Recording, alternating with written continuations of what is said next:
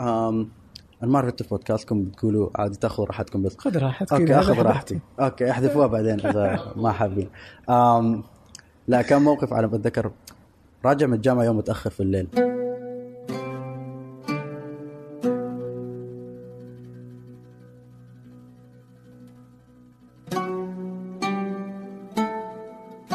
أهلا.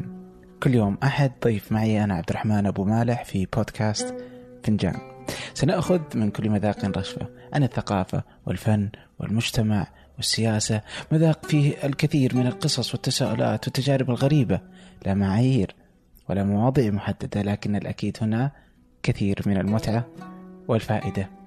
ضيفي اليوم هو عمر التوم. عمر من السودان ولد ونشأ في الإمارات. وحالة المواليد في أي دولة مثيرة للاهتمام. الثقافات المختلفة التي يعيشونها ثقافة العائلة تعود إلى الوطن الأم وثقافته هو تتكون في البلد الذي يعيشه. ومن بين هاتين الثقافتين تتدخل ثقافة العولمة والإنترنت. وما بالك أن عمر في الإمارات حيث أن ثقافة المجتمع عالمية. فهذا التنوع العجيب يفرض على شخصيته أن تظهر بشكل مختلف. مثلا أحتاج عمر يوم راح السودان أن يلعب حفيان علشان إيش؟ علشان يثبت أنه منهم وفيهم. مو هذاك ولد الإمارات. طيب كيف يواجه العنصرية؟ كيف يشوف الفرق بين العنصرية في الدول العربية وبين أمريكا؟ اللي زارها حديث شيق وماتع مع عمر وهو كذلك يعمل على بودكاست اسمه دكان. يستحق الاستماع لمن هو مهتم بالثقافة الثالثة. ولا تنسوا تقييم البودكاست على iTunes هذا يوسع من دائرة المستمعين. آه كذلك اقترحوا أسماء تودون أن تسمعوها على بودكاست أو أي اقتراحات أخرى من شأنها تحسين البودكاست على إيميلي ابو مالح ثمانية dot com ابو مالح ثمانية dot com حيث أقرأ جميع رسائلكم. أما الآن لنبدأ. أهلا عمر. يا مرحبا. يا مرحبا. آه المنبه الساعة 9 ليش؟ آه عندي دواء باخذ الساعة 9 آه. قلت يمكن تنام الساعة 9 يا ريت. والله نفسي أنام الساعة 9 للعادة متى تنام يعني؟ أنام؟ إيه. يعني عادة 10 10 ونص. آه okay. طيب بس بدري جيد يعني. أيوه. أم هي 10 10 ونص ال average بس الفترة الأخيرة الأسبوعين اللي مضت الساعة 12 2 لأنه في شغل كثير فنوم متأخر وبتقوم الساعة 5 ونص 6 مع الفجر وتبدأ يومك. يلا. فاليوم أنا قررت خلاص اليوم 10 أنا رقاد رقاد طيب. طيب عمر عمر آه سوداني. أيوه. آه مولود ومتربي في الشارقة. مهم. آه كل دراستك في مدارس عالمية. صح. كيف تجربة آه هالخليط؟ صنعة عمر؟ أم والله التجربة غريبة بس كانت ممتعة يعني بين مشاكلها و يعني كل شيء اللي كان فيها فيها حماس وفيها فلة ولمات شباب وكانت ممتازة بس كان كمان فيها مشاكل أم بس هي اللي كونتني في الآخر أم كنت في مدرسة عالمية أغلب اللي معي في المدرسة أجانب مم. ف كان في حارة ورا المدرسة مم. شباب شوارع كل مرة أشوفهم يلعبوا كرة والله خلاص شردة من المدرسة أنزل ألعب معاهم. ما لي خص في حد فكانت كذا يعني حبيت كنت دائما قعدات الشباب يعني وتربينا على كذا الضربات والمشاكل و... وكله بس يعني كانت أيام حلوة يعني أيام طفولة حلوة. آم، وحالاتها إنه ما كان عندنا مثلا ال social media وكذا في حاجات سويناها يا أخي الحمد لله ما في ال social media تسجلت. أيوة على وقتها. ف فهي كانت طفولة حلوة يعني بالذات لأنه يمكن أغلب اللي معاي ما كانوا أول شيء سودانيين كثار. أو يعني blacks سود in general إذا. حتى لو أجانب ما كنا كثار يعني حتى أتذكر سنة كان في شاب نيجيري جا المدرسة الشباب بيجوني اسمع في واحد نيجيري تعال شوفه كذا الناس ما مصدقة إنه في حد ثاني يعني dark موجود. بس بس كونتنا المدرسة يعني هي المشاكل والضربات والحياة دي كانت حلوة يعني واللي عجبني إنه تربيت برا السودان لأنه أداني آه، وجهة نظر وتفكير خارجي. تعلمت من العرب الدول الثانية تعلمت من الأجانب تعلمت من الأمريكان. يعني حتى بعد ما خلصت دراستي مشيت أمريكا تعلمت هناك. ورجعت. ف آم، أدتني وجهة نظر عالمية. آم، حتى مثلا في أبوي كان دائما يقول لي أحسن مدرسة هي السفر. مم. تسافر تشوف العالم تتعلم منهم الجيد تخلي لهم السيء. دائما تاخذ منهم تتعلم من الناس. وبالذات مثلا لما تمشي اليابان يعني عالم ثاني هناك. بس الأدب والإحترام والتقاليد اللي عندهم بتعلمك. آم فدي كانت كلها حاجات كنا بناخذها دائما يعني في. السفر. الوالد آه، من مواليد آه، الوالد؟ السودان. والد من مواليد السودان ومن قرية كمان يعني مش شباب المدينة. آم وقرية زراعية. فعلى أيامه هو كان جاته فكرة كان عايز business يخليه يسافر العالم. wow ما يد... ما كان يبدي يدخل في الزراعة ولا أي شيء ما خلاص بس كذا يشوف له الشغل يخليه يسافر ففتح شركة شحن وسياحة حلو و shipping بس خلاص. الحمد لله يعني أصلا جيتنا الإمارات كان أه. هو افتتح مكتبه هنا ده الكلام متى؟ فتح في دو... في الشارقة 87 بس مهم. عنده مكاتب في جدة عنده في الإمارات وفي الصين وفي أوروبا. وكم يعني ما شاء الله يعني أها طيب آه، أنت كيف ترتيبك في العائله؟ أنا أكبر واحد. أكبر واحد؟ كم. عددكم؟ أربع أولاد. إيه. فقط. لا يعني ما في بنات بس أولاد. عصابة. طيب. آه، كيف كيف الحياة وانت طفل؟ في الشارقة يعني؟ انضربنا. يا من الشارع يا من أبوي. انضربنا. كل كل حالات فيها جلد. لا الحياة كانت حلوة يا أخي. لأنه بعد المدرسة أنت بترجع ما بتطلع البيت. شوف الشباب وين في الحارة تقعدوا تلعبوا كرة تخ- تضيع وقت شوي ترجع البيت يا بتفتح تلفزيون بس أهلك يقول لك لا لازم تمشي تذاكر فانت ها انت تذاكر. كم؟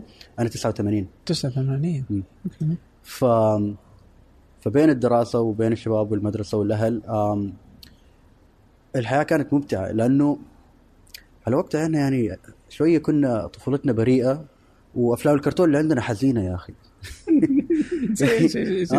يعني عدنان ولينا وسالي وهالقصص يا أخي قصص حزينة.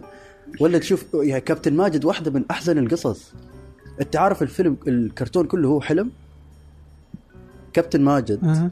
هو حلم. في الحلقة الأولى هو طفل دعمته سيارة. فالكرتون كله هو في حالة كوما. مغمى عليه راقد في المستشفى. بيحلم إنه بقى هداف كرة قدم. الحلقة الأخيرة يصحى يلاقي ما عنده رجلين قصينا لما الحادث. يا أفلام كرتون تعيسة يا أخي. بس دي طفولتنا يعني good.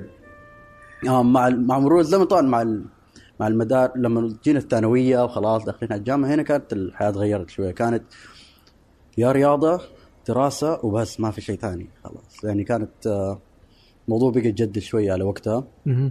وأنا ما كنت ماخذ الموضوع جد والمشكلة لما تكون أكبر واحد لازم لا لازم تع... لازم تكون صح عشان إخوانك يتعلموا منك. أنت أكبر واحد إخوانك الصغار يتعلموا منك. أنا مشكلتي كنت شوية ضد النظام؟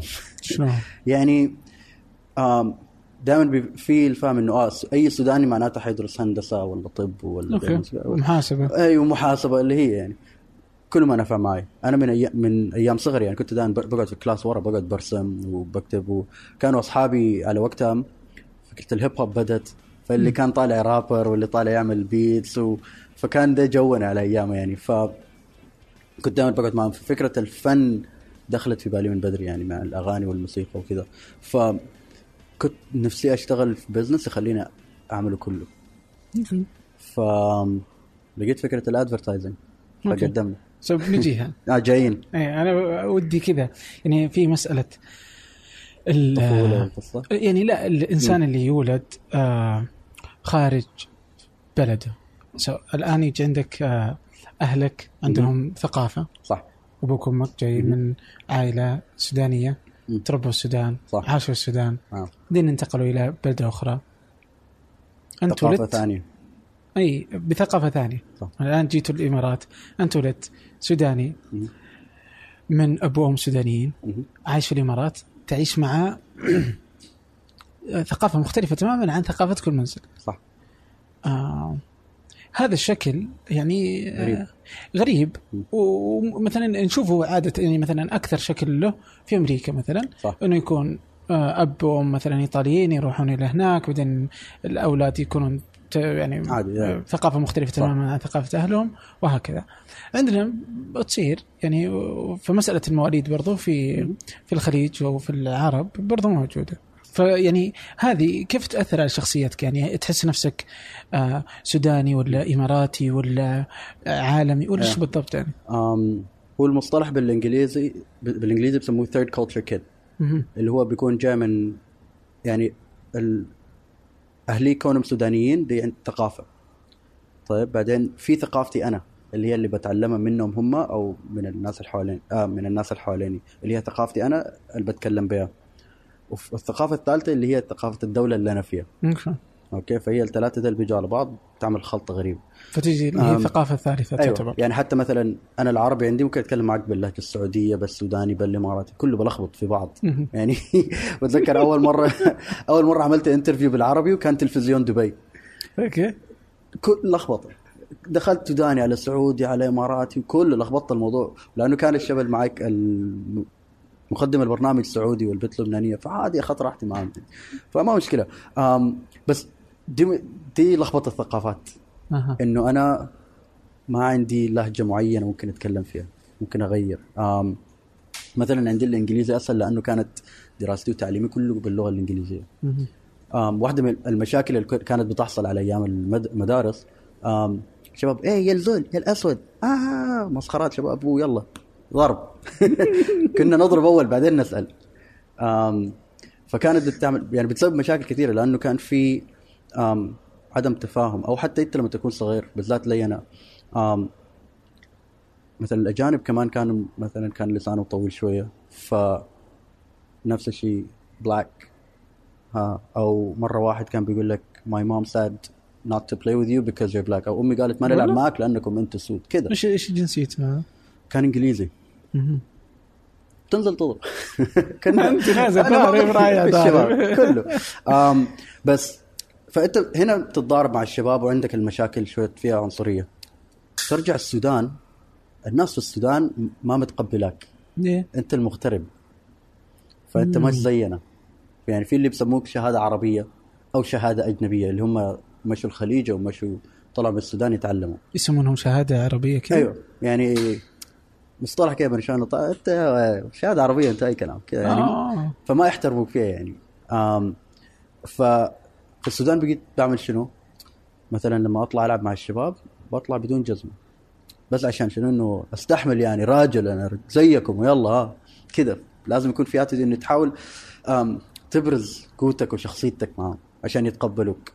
بس ما حد حيتقبلك لأنك أنت ابن المغترب. ف بتحصل يعني يمكن أنا أكثر من أخو أخواني لأنه كنت أكبر واحد فلكن بيحصل معك مشكلة سيكولوجيه شوية في إنه طب شو اللي بدافع عنه أنا؟ صح إذا جنسيتي أو اصلي السوداني ما يتقبلني فشو اللي أدافع عنه؟ فدي كانت المشاكل ال- أو النقاط السلبية في تربيتي كسوداني في بلد ثاني بس أحسن من غيري إنه بلد عربية فكان في بين الشباب بين العرب كان في على الأقل يعني مع مرور الزمن كان في تفاهم الناس بتفهم على بعضها أحسن ف دي كانت ساعدت في التكوين الشخصية أكثر من شيء يعني مثلا أخواني. الأصغر مني آم ما كان عندهم المشاكل دي يعني فرق بيني وبين أخوي مبارك سنتين فلما مبارك تحصل له مشاكل أنا أمشي أدافع عنه آم بس مثلا مبارك علاقاته مع أصحابه أحسن مني لأنه كيف؟ من الطفولة كان ما عندهم مشاكل وكبروا مع بعض ولليوم علاقاتهم ممتازة أنا كان في تغيير مع الناس آم في اللي بيجي بيطلع وكمان لأنه. في الإمارات اللي بيحصل في ناس بتجي مثلا أهلهم بيجوا سنتين ثلاثة أربعة خمس سنين وبروحوا. صح؟ فأنت بتكون بنيت صداقات مع الشباب دول أهلهم مم. مشوا ف دي من الأشياء اللي بتحصل دائما يعني في هنا في في الشارقة كانت معنا بس يعني كونتنا إحنا للي إيه تحس. إنه الحين عندك آه، السودان رفضتك. وهذا يحصل لو كان مصري لو كان أي حد، صح. إيه. فالآن بلدك الام رفضتك مم. هنا أنت ما أنت معتبر برضو إماراتي؟ لا. إيه. ما أنت يعني عدم انتمائك لأي مكان أو كل الأماكن تحس إنك تنتمي لها لا تت- لا تتقبلك. قديش يأثر عليك يعني؟ آم زمان كان يأثر بس مع مرور الزمن تعودت لأنه هي في الجامعة كانت التغيير. في الجامعة إحنا كنت في جامعة كانت الأمريكية هنا في دبي أول مم. ما بدأت. بتلاقي كل جنسيات مثلا مع بعض. okay. كويس؟ ده الشباب السعوديين هنا المواطنين هنا المصريين آه، اللبنانيين الإنجليز الأمريكان كذا كل. بس دائما في group بتاع شباب كل حد من مكان. okay. آم فدي أول مرة كنت أعيش جو زي ده إنه معانا واحدة إماراتية مصرية. معانا ثابت كان إماراتي زنجباري معانا كان واحدة أمنية كانت مصرية عمانية. كان معانا واحدة إنجليزية آه، British يعني و آه، لبنانية. كان mix لخبطات كذا وكنت أنا موجود. إحنا كنا ثلاثة سودانيين في الجامعة. أصلا وقتها أول ما أنا دخلت. فكان لأنه كانت أمريكية الشرق هي الجامعة. أي حد okay. العرب كلهم يودوا اولادهم أمريكية الشرق. أمريكية دبي كانت اكثرهم أجانب. ف بقينا mix غريب كذا بتاع ناس من دول مختلفة. فهنا اكتشفت إنه ال- اللي هم ال third culture kids دول اللي نفسي آم بنلقى بعض. في أي مكان في أي وقت بنلقى بعض. حتى دي كانت فكرته كان آه، ممكن نتكلم فيها بعدين. اللي هي بقت قعدات ما تفرق أنت جاي من وين أنت ولد أنت بنت آه، أصولك من وين. بتلقى ناس بيفهموك. يتكلموا زيك. عندهم نفس المشاكل بتاعتك مثلا لهجته غلط ما بتتفهم وكل ال ال issues ال quirky problems عندهم في حياتهم. أو مثلا ال style بتاعهم أو طريقة تفكيرهم بيكونوا زي بعض. فكده إحنا سبحان الله جينا لقينا بعض في الجامعة وقتها. فالفترة دي علمتني إنه في ناس زيي برا ما بس إحنا. فدي علمتني إنه اتعود عليها يعني. تحس إن تجربة ال- الثقافة الثالثة. للطفل مثلا أجنبي غير عن عربي؟ فرق يعني? ولا هي واحدة يعني؟ لا تفرق مع كل أحد. أم يعني على سبيل المثال أم شريكتي في البزنس. أم اصولها غريبة عراقية فلبينية متربية في كندا. okay. عراقية؟ أبوها عراقي أمها فلبينية وهي مت- متربية, متربية في كندا. ما شاء الله عليها. okay. أم وعايشه وين؟ أصلي في الإمارات عايشه عايشة حاليا. أيوه. ختمت العالم. أيوه كلمت خلصته كله. أم frame ثقافتها كانت غير ثقافتي تماما. هم المكان اللي كانت عايشة فيه كمان في كندا أغلب الناس اللي فيه كانوا من جامايكا فعاشرت جامايكنز على بلاك على حتى كان يعني حتى الكنديين الوايتس مثلا بس يعني منطقتهم كانت شوية لو انكم ما شوية فوق يعني منطقة اللي فقيرة دخل يعني. محدود أيوه يعني. دخل محدود. ف تعلمت منهم كلهم. وممكن تقعد معاك تتكلم معاك باتوا اللي هي اللغة بتاعت الجامايكيين. ممكن تتك- تتكلم معاك إنجليزي. عربي ما بتتكلم بس تفهم. وبتقرأ عربي. بس عشان هي تحاول تفكر بالعرب تفكر بالكلمات تطلعها بالعربي بتتعب. فكلامها بس بالإنجليزي بس بتفهم عربي؟ عادي. فالحلو دائما إحنا بنكون قاعدين مثلا حد يحاول يتكلم عنا بالعربي هي حتفهم بس بتمشي معاك فاهم انه كأنه ما فاهمه. أم بس مثلا أنا وريم لما تقابلنا أول مرة كنا في مؤتمر للاد أم، للإعلام. إحنا كنا شغالين في الإعلام والتسويق. فكان في مؤتمر وقررت أعمل interviews لل podcast لدكان. فواحد قال لي لا تعال كلم اللي بدي حتعجبك. فقعدت فجيت أعمل معاه interview كنت بكلمها ومن وقتها يعني كأنه كان في تفاهم زي اللي كنت بعرفها من زمان. وسبحان الله يعني من وقتها إحنا اتفقنا مع بعض تمام. يعني كان بيناتنا اتفاق غريب. لليوم ما خشينا في مشاكل يعني الكلام ده له ثلاثة سنين. آم ف مع الأجانب بحس إنه ممكن يفهمونا شوية لأنه ثقافاتنا زي ما قلت يعني ثقافة ثالثة يعني شوية مختلفة. والميديا والإعلام الأمريكي يلعب دور ضخم في الموضوع. آم لأن إحنا أغلب أشطر ناس في الإعلام هم الأمريكان okay صح؟ يعني عندك من هوليوود والمسلسلات والأفلام بتاعتهم أو حتى طريقة إخراج الإعلانات أو فكرة البودكاست حتى صح؟ صح كفكرة محتوى دي دي فكرة أمريكية في الأول آم فهم شاطرين في الحكاية دي اللي هي export of culture اللي هي آم تصدير تصدير الثقافات. الثقافة شكرا الله يخليك أظبطك تعجبني حلو. فشاطرين جدا. اللي عم... فعملوها بالموسيقى وبالأفلام وبالرياضة. يعني كون إنه إحنا نلعب كرة سلة في طفولتنا جبناها من وين؟ غير من عندهم هم صح؟ فبتشوف يعني حتى اليابانيين بيلعبوا كرة سلة. معناتها وصلت يعني. فدي حاجة إحنا تعلمناها منهم. فكانت دائما في في الأغاني مثلا. لما تسمع أغاني عربية الأغاني السودانية ما عجبتنا. آه، يمكن أنا ما عجبتني جدا. فالاغاني العربية اغلبها لما نشوف الفيديو كليب ما حد يشبهنا يا أخي. صح؟ ما في حد شكله كذا سوداني ولا أسمر زينا. نادر لما تشوف يعني حد كذا. فوين بتلقاهم؟ في الأغاني الأجنبية. فعشان كذا في علاقة قوية مع الهيب هوب ومع ال African community لأنه أوه والله شبهنا الشباب. دول مين دول؟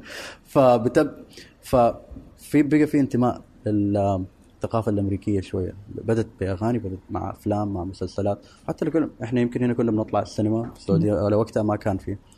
آم فلما تطلع أغلبها أفلام كانت أجنبية في الوقت في وقتها يعني. صح. ف تعودنا عليها كمان. فحصل لخبطة بين الثقافة العربية كمان والثقافة الأمريكية.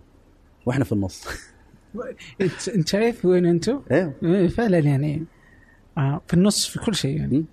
آه أزمة هوية يعني تز- تزعجك تحس إنه آه، أضافت لك ولا أخذت منك؟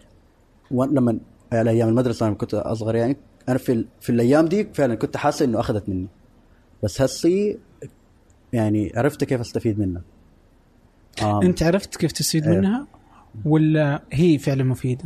هي مفيدة بس يعني فهمت يعني إنه أيوه أيوه أنت هي المسألة مسألة وجهة نظر آه آه؟ شلون؟ يعني أنت ممكن تشوفها كضعف أو قصر عندك؟ و آه والله لأنه أنا ما سوداني ماشي ما في أي حاجة ماشية كويس معي. السودانيين ما يبوني أنا أنا ما حكون مواطن وش أسوي ممكن تزعل من الموضوع.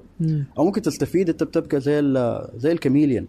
يعني لو قعدتني في غرفة مع سعودي أتكلم معه زي ما أتكلم مع امريكي زي ما أتكلم مع السوداني خلاص. تتع... تعرف. ثقافات الناس تعرف كيف تتعامل معهم.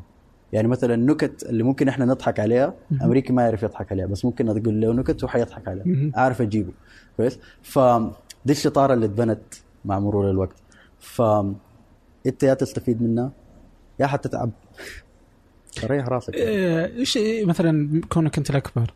أخوانك الصغار آه، إيش مثلا مشاكل يجي يقولوا لك إياها وأنت تجي تعطيهم نصائح زي إيش مثلا؟ أم... أوكي على سبيل المثال أم... مبارك. كم أصغر واحد الحين؟ أص... يلا أصغر مبارك واحد إيش؟ مبارك 27 27 عبد الله 20 مم. ومحمد 8 ثمانية سنوات؟ 8 سنوات. آه. أم...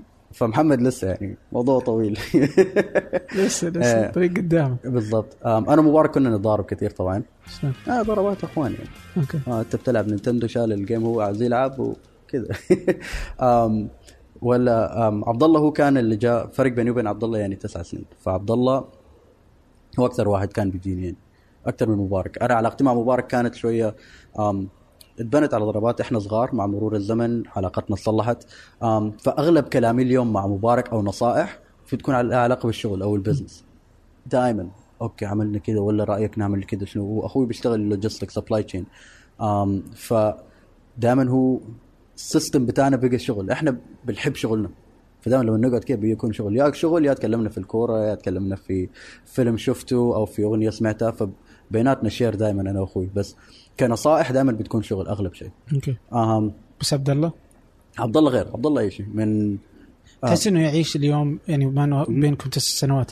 لا تزال نفس التجارب في المدرسة نفس الأشياء وهو طالع؟ لا. لأنه عبد الله مشى نفس المدرسة اللي إحنا كنا فيها. فكانوا عارفين أنا بعدي أنا ومبارك. فما كانوا يعني حب يحبوه جدا عبد الله.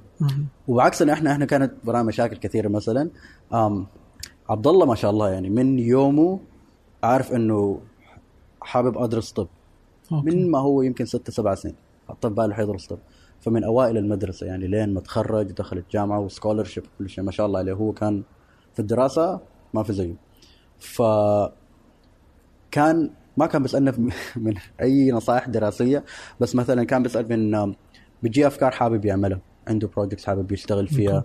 آم آم عبد الله بحب ال fashion جدا. يعني عبد الله ده و high-end fashion يعني زول style كذا وحركات. ف ف بتذكر مرة أبوي يعني حتى كلمه قال له إن شاء الله إن شاء الله تنجح في الطب لأنه بطل عندي فلوس عشان انت تشتري ملابس خلاص. بس عبد الله حالات عبد الله إنه يمكن أشطر واحد فينا في البيت. يعني ما شاء الله والنصائح اللي كان بياخذها مني يعني حياه الحياة كذا مثلا حابب يرتب حابب يطلع رخصة قيادة مثلا. كيف شو يسوي شو يعمل ويجي من وين و- والبروسس كيف والامتحانات كيف وحاجات زي دي يعني.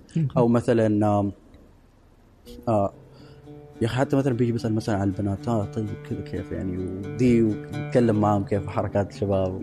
تعال اقعد أقعد. اقعد آم، مستمعي فنجان القدامى يعرفون إكسير البن والأصدقاء في إكسير البن كانوا داعمين لفنجان أكثر من مرة. هذه المرة عندهم خدمة جديدة إحنا في ثمانية نستخدمها. وهي مريحة جدا. لكن قبل أحكيكم عن الخدمة إذا كنتم من سكان الرياض ودي أنصحكم نصيحة. وهي أنكم تزورون فرع إكسير البن الجديد في الحمراء. الفرع رائع صممته شهد العزاز إحدى ضيوف فنجان السابقين. كنا في ثمانية في هذه الخدمة من أوائل الناس المشتركين فيها. هي اشتراك شهري عبر المتجر الإلكتروني تصلك نكهتين مختلفتين من البن كل شهر. شهر من السلفادور وكينيا شهر ثاني من إثيوبيا واليمن ولا تتعب نفسك وتحتار وتختار. اشترك مرة واحدة واستمتع بالقهوة تصلك أينما كنت في السعودية أو خارج السعودية. الاشتراك في الخدمة متوفر عن طريق موقعهم إكسير البن إكسير البن dot com أو ابحث في جوجل اكسير البن راح يكونون في أول النتائج. وإيه آه سواء اشتركت في الخدمة أو لا إذا رحت الفرع اهمس في إذن الساقي فنجان. يمكن يعطونك قهوة ببلاش. الحين الوالدين. أيوه تتوقع إنهم قادرين يفهمونكم آه، يفهمون معاناتكم آه، طريقة صراعاتكم الثقافية اللي تعيشوها وأنتم. تبنوا ولم الوالدة بتفهم أكثر من الوالد. الوالد لليوم عايش وبحكم خبرتك برضو أيوة. ممكن تعطيني إياها كذا كنظرة لك. شخصيا أيوه أو حتى بال- من يعيش في شكل هذه الثقافة الثالثة يعني. أوكي آم سبحان يعني إحنا عندنا في البيت التفكيرين الوالد والوالدة. هم ضد عكس بعض فيمكن كذا تساعد تديك وجهة نظر يعني آم الوالد ما زال متمسك بالأيام الحلوة بتاعت السودان زي ما. آم أيام بيقول لك كان عندنا حفلات الجاز على النيل والجو كذا وأيام كانت طيبة والناس متحابة والناس مع بعض. فعايش آه، جو رومانسي وذكرياته عن السودان ممتازة. فدائما بيحب يدي في السودان. يعني بيبني شركات ويدخل فلوس ويحاول يساعد المجتمع. أما الوالدة آه، واقعية أكثر. يعني الأيام اللي هو بيتذكرها ما موجودة في السودان. فهي فاهمة إنه السودان ما زي ما زي زمان. أم أم بالعكس هي بتركز مع المستقبل أكثر من أبوي. أبوي شوية متمسك بايام أيامه القديمة. أم فعشان كده حسينا بالاثنين في البيت. أم أمي بتفهمنا لأنه كانت متواجدة معانا أكثر في ال... يعني بنقعد وبنتكلم معاه وبنشتكي والمشاكل كله أبوي لأنه عنده شركة شحن دائما بيسافر. يا بيسافر يفتح مكاتب يا بيسافر يقابل ناس. وطوال يعني مثلا في السنة بيكون داخل وطالع كثير جدا. هس سبحان الله يعني رجع من السفر أمس. له أربع أربع أسابيع مسافر يا دوب رجع أمس. ف دائما فلانه دائما مسافر ما قاعد معانا دائما بالكثره بتاعت الوالدة. بس هسي بدأ يفهمها. إحنا مثلا أنا وأخوي ما عايشين مع الوالد والوالدة. هم في الشارقة إحنا في عايشين عندنا في دبي. أنت مبارك؟ أنا مبارك. بس يعني كل جمعة نرجع. طبعا لمة الأهل حقت الغداء وبيت أبوي ما شاء الله يعني أولاد أعمامي والأهل كلهم بيتلموا في بيت أبوي. فلما نجي للعشاء آه للغداء يوم الجمعة بتتفتح سوالف ومواضيع اللي من السياسية والمشاكل والثقافية والحاصل معنا فدي واحدة من المواضيع دائما تتفتح.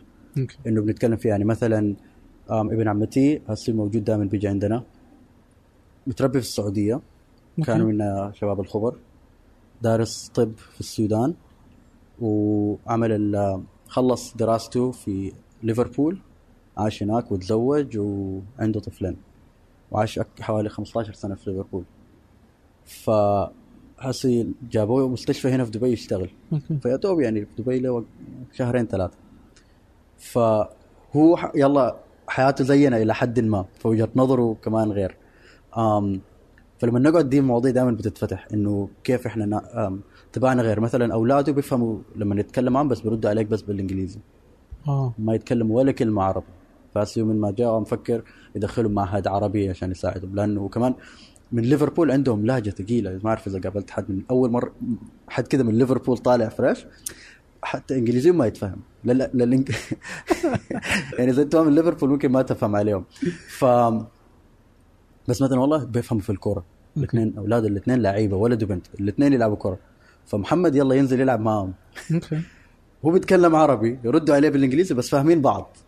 ماشيين على بركة الله وبيلعبوا. بس فإحنا بنتكلم في الثقافة الثالثة دي دائما في البيت. فأبوي شوي شوي بدأ يتفهمها الآن بس هو ما كان اللي ما كان فاهمه أبوي عدم تقبل آه، السودانيين لنا في السودان مثلا مرات؟ كانت شوية صعبة عشان يفهمها لأنه يتخيل إنه لا إحنا فاهمينها غلط. فنحاول نوضح له الصورة لا إحنا ما فاهمين غلط. يعني الشباب أنا إيش اللي بيخليني أمشي ألعب حافي في الشارع والشباب التانيين لابسين جزم؟ يعني بس إنه عشان آه، أوصلهم وجهة نظر. صح؟ ولا لما تنزل في السودان تقعد مع الشباب في في الحواري في الشوارع وبس عشان إنه ما إنه خلاص إحنا دارسين في الإمارات يعني ما نعرف نقعد معاك وكذا فبتحاول تثبت رجولتك بطريقة أو أخرى. صدق كانوا يرفضونكم؟ يعني ولا بس كذا المزاح وكذا إنه كان ولا في كذا تحس إنكم أصلا أنتم ما تفهمون بعض يعني نكتتك ما يفهمونها انت ما تفهم نكتتهم تصير. أنت هي باهي بالضبط كذا. هي كذا بالضبط. فكانت يعني كان في مع بعض الناس في تفاهم مع بعض الناس ما في يعني مثلا آه بتذكر مرة ابن عمتي. اسمع خلاص تجي تقعد معنا إحنا والشباب. أوكي يلا طلعت معاه. الشباب بيقولوا اسمع وش ده اللي جايبه معك؟ يعني شوف كيف لابس وشكله وما مش تبعنا خليه يروح. فاصلا قبل ما أتكلم يعني معاهم في عدم تقبل. وفي منهم اللي لا تعال اقعد أوكي ومن وين وكيف حياتك في الامارات واحكي لنا حابين ياخذوا يعطوا معك في ناس حابة تتعلم. آم وأنت بتتعلم منهم ففي بتستفيدوا من بعض. آه وفي طبعا اللي من أولها ما عايز منك أي شيء. يا شباب يلا روح. ف فالحلو في الموضوع إنه كان يعني التجربة كلها جر... كانت حلوة كانت آم، مختلطة. في كذا وفي كذا. فأرجع للموضوع إنه كان الوالد أخذته وقت يعني حتى يفهم. بعد ما شافه مع ناس تانية بدأ يتفهمها أكثر. أوكي. إنه ما بس إحنا في تانيين عاشوا نفس التجربة. آم أو وحتى في رايي أنا أصعب لما تكون بنت. لما شلون؟ تكون شاب. آم لأنه إحنا مع كشباب يمكن قعدات الحواري وكذا مع شباب مختلفة عودتنا. أم بس بحس مع البنات يعني شوية صعب. أم فواحدة من بنات أه... بنات أهلي بتحكي لي إنه صعب يعني تكون بنت سودانية. قلت لها ليه؟ قالت لي أول شيء أنت بنت. ف already في مشاكل في الحياة إنه الرجال والنسوان وفي ال struggles وهسه ال feminism والبرامج الحاصلة دي. ثاني شيء you're black إنك أسود؟ أيوه. ففي دور عنصرية بيلعب. آم ثالث شيء يقول لك إذا أنت مثلا سافرت أي دولة أجنبية أنت مرة مسلمة. فمثلا الشاب ممكن يلبس شورت تيشيرت ويخش في الجانب عادي ما حد بيعرف. بس البنات ما حيقدروا بالذات إذا بنت محجبة. صح. فشوية صعبة. فبتحكي يعني دائما إنه أصعب شيء إنه تكون تكون بنت. ففعلا يعني أحس إنه الستراجل عندهم أنت متفهم برضو قديش إنه الفرق بين ثقافة أهلها وكيف الثقافة اللي جالس تشوفها مختلفة تماما أيوة. في المدرسة يعني أنت ممكن يعني يصير بينكم صراع أيوة. لكنك في الأخير ولد يعني أسهل. بس يعني في سماح لأنك تقدر تقعد في الشارع أكثر أيوة. وقت تصير مشكلة كذا بس انها فاين م. آه بس بس ك كمرأة يو كبنت آه، أحس المسألة أكثر أوف، أوف، مو بس ضعف اضعاف يعني أوف أوف يا لا عالم ثاني ما زيت والله آه طيب أنتم في آه في دكان آه في. في البودكاست آه كنتوا تقولون يعني كذا وصفتوا نفسكم بالبدويين الجدد نيو بدون أيوه. إيش إيش الفكرة؟ ما ف فكانت الفكرة إنه الثقافة الثالثة أي حد خلاص بقت الناس اتعودت على الثقافة الثالثة. حتى لما إحنا ابتدينا ما كان ح... ما كان موضوع الثقافة الثالثة متواجد. فكان دائما بنشرحه للناس. فكن كان عندنا حلقة مع سالم القاسمي. شاب إماراتي عنده استوديو تصميم في الشارقة اسمه فكرة design. حلو. وشخصية يعني سالم ده واحد من أكثر الناس اللي أحبهم. يعني قلبه طيب. رائع جدا. فكان قاعد معانا في حلقة وبيتكلم هو طبعا لأنه أخوانه كلهم دارسين داخلين في ال business أو هندسة وطب هو الوحيد اللي دارس فن. فكان بيحكي إنه كان بيخيس الكندورة دائما. ثوبه بتوسخ لأنه لما يرسم ويلون الألوان كلها تخرب له. صح. ف ودائما في فهم إنه الثوب دائما ما يتوسخ دائما أبيض. بس هو يقول لك لا أنا ثوبي دائما موسخان. ف في نص الحوار جات نكتة إنه أنت بدوي جديد يعني. البدو الجدد. ف أول ما قلناها كده عارف فجأة في لحظة كده شوف يعني جاء ضوء كده فوق راسك خلاص إنه جاتك الفكرة إنه إحنا البدو الجدد. إنه كيف تقول ثقافة آه، ثالثه بس عربية على أجنبية قدرت تلخبط الموضوع كله ببعض. فعجبتنا الفكرة فسميناه إحنا ال- البدو الجدد. لا تسمية لطيفة. طيب دحين الثقافة الثالثة م. آه أو البدو الجدد يعني ما تحس إنه برضه آه طبعا في في البدو الجدد برضه في اللي يأخذوا الرحالة أي بالضبط ال- الجدد اللي الحين يعني إنه صاروا كذا يعني صار في. شكل من الأشكال. آه كذا شكل حياة نمط حياة. اللي هو إنك تسافر فقط لوحدك تروح تسكن عند فلان فتتنقل طول حياتك أو. أغلب جزء من حياتك متنقل كما كانوا الباديه إنه زي يتنقلون. من, آه. من مكان إلى آخر آم، بس عودة على هذا على الثقافة البدوي إذا سميناها ثقافيا اليوم لا تعتقد برضو مثلا ممكن طفل سعودي اليوم نتكلم. أو حتى آه، أخوك محمد. لو ما كان لو كان إماراتي لو الإماراتيين اليوم أو في السعودية أو في أي مكان الطفل السعودي اللي مع وجود الإنترنت اليوم في إنترنت آه، أبوه وأمه عنده ثقافة المجتمع عنده ثقافة. والإنترنت عنده أمريكا ثقافة.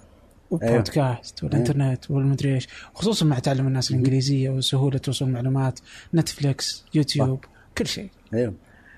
آه هل هذه برضو تعتبر ثقافة ثالثة ف... يعني؟ أنا في رأيي دي ثقافة جديدة كاملة. صح؟ مم. لأنه إذا إحنا أخذنا الثقافات اللي تعلمناها إحنا ثقافة الإنترنت إحنا ما كانت عندنا. صح؟ يعني أو إحنا على أولها. مع الماسنجر وال ICQ أول ما بدت وقتها. أوه. يعني لما تتعلم اللي هي شينا يعني ال أو ال والحركات دي. على وقتها كان تعرف علي شعبان؟ الفنان. علي شعبان كان كاتب في تويتر إن اللي هي كان كاتبها بالإنجليزي. يعني بس الله يرحمه أيام كنا نقول BRB صح؟ be right back دحين كل حد أتوقع. إنها تكون اونلاين في أي وقت. ما في BRB زي زمان صح؟ بس فابتدت على أيامنا. بس هسه الإنترنت وصل مرحلة إنه ثقافته ثانية. ثقافة تابعة بس للإنترنت. على سبيل المثال في style بتاع أغاني طلع جديد. اللي ما عرفت شو أسميه ما عرفت وين أحط يعني آه، اللي هو اللي يعتبر hip hop أو R&B أو روك أو ما عرفت style فأغلب المواقع تسميه internet music أو. أغاني الإنترنت لأنه الصوت ال style تاعت الأغاني بيكون مثلا واحد في ألمانيا في البيت عامل الدرمز واحد في نيويورك عامل الجيتار وتتلخبط الأغاني والأصوات كلها مع بعض. فده ال- آه، الفنانين اللي بتلقاهم على ال SoundCloud أكثر شيء بس اللي بيشتهروا في ال SoundCloud. فما بتعرف ال- ال genre ولا وين وين تدخله أو على سبيل المثال آم مثلا نفس مشروع ليلى. بيغنوا بالعربي بس ال style بتاعهم روك صح؟ فهنا ملخبطين آم، style آه، أنواع مختلفة من ال- آه، الموسيقى ف ده من الثقافه ثقافة الإنترنت نفسها أو طريقة الكتابة في ال 9GAG والحركات دي. يعني إحنا صح. إحنا لما كنا نتعلم لازم يكون خطك حلو تتعلم تتعلم تضبط خط يدك. بس ما في خلاص انت إنت وال iPad. آم يعني محمد ده كان من ثلاث سنين ما يعرف يفتح التليفون ويدخل. أو بكون قاعد بيجي بيجيب ال iPhone بتاعه حابب يلعب games بياخذ أصبع يدي وبيعمل unlock للتليفون. خلاص فهم إنه في شيء في أصبع إيدي بيفتح التليفون. صح. بينزل بيفتح بيطلع الألعاب ويلعب. تعلم اللغة الإنجليزية وتعلم الأرقام وتعلم حتى يتكلم من الألعاب. أخوي محمد مثلا بيدخل مسابقات gymnastics وكرة قدم. بيلعب دوري كرة قدم و gymnastics gymnastics كان بيحضر فيديوهات في اليوتيوب يطلع يتعلم بينط wow في البيت. اي تعلم بنفسه ما في أي حد علمه. فلما دخل فريق ال gymnastics في المدرسة مستغربين من وين يتعلم. كله كله من اليوتيوب هو كذا. wow. بيتفرج الفيديوهات وينزل يلعب ف دي ما كانت عندنا ال... كون إن- يعني تخيل أنا كنت على وقتها كان عندنا يوتيوب أفتح فيديوهات كرة وأقعد ألعب كرة في البيت أحاول أقلد اللي اشوفه مع مرور الزمن حطلع حعرف ألعب. بس ما كان عندنا. انت إذا الشباب اللي تلعب كنت معاهم كنت انت أيوه بالضبط. إذا الشباب إذا الشباب اللي انت بيلعبوا معك لعيبة انت حتطلع وحش. إذا أي كلام حتطلع أي كلام نفسهم ف ده ثقافة ثانية يعني ما أعرف حنسميها شنو إحنا. هي ثقافة إنترنت وثقافة رابعة بس بتاثر عليهم أكثر من أي شيء ثاني. يعني صح بيكون مثلا إذا سعودي إذا أخوك أو أخوي محمد آم يتربوا في البيت تربية معينة الإنترنت بيربيهم بطريقة ثانية. ودي دي فيها شوية خوف كمان. أوكي. فعلا آه على الخوف آه هل وجودك اليوم أنت مثلا آه الآن في عرب كثر يعني اللي يسافرون اللي. مثلا آه أخواننا مثلا في سوريا ولا في الدول اللي صابتها مشاكل وهاجروا فيروحوا إلى الدول الغربية. في أوروبا وفي أمريكا وشا يعني ويعيشوا صدمة ثقافية. آه أنت وجودك هنا وعشت في مكان مختلف عن بلدك يعني من البدو الجدد. الحلوين هذول آه إنك رحت أمريكا أنت رحت أمريكا. هل شكلت آه حاجز امام الصدمة الثقافية اللي ممكن تشوفها في أمريكا اللي دائما العرب يشوفوها ويخافوا وتصيبهم كذا بالخوف والله بالعكس أنا لما مشيت أمريكا سب- آه سبحان الله كان حسيتها سهلة. على ما أظن أكثر شيء كان خوفني في الأول إنه فجأة أنا ما معي حد. نفسي نفسي. لا معي أخ لا معي أب لا معي أم ما معي أصحابي ما بعرف حد. فجأة أنا كنت في مكان غريب في دولة غريبة. دبر نفسك. يلا تعلم ودبر نفسك. ف فسبحان الله في مكان زي ده أنت بتدور على الشباب العرب. ف... فسبحان الله كان لقيت محل مندي. فأنا كنت في سان فرانسيسكو أوكلاند وقتها في الجامعة. ف شيء فرحني لما لقيت محل مندي. إنه فجأة لقيت مطعم وحلال واللي أصحاب المطعم يمنيين. خلاص. هنا ما فرقت أنت سوداني ولا لا. أنت بني أهلنا. خلاص. okay. صح؟ أتذكر أول ما وصلت هنا كان غريب يعني. نزلت موتيل عشان أوفر فلوس. آه كان في موتيل. حتى كنت نازل في منطقة يعني الله لا يوريك. بس كانت سيئة جدا. إيش؟ منطقة في سان فرانسيسكو اسمها تندرلوين. okay. تندرلوين يعني أنت ماشي في الشارع تعاطين مخدرات راقدين في الأرض كذا كلهم يعني وسكارى ومشاكل كانت.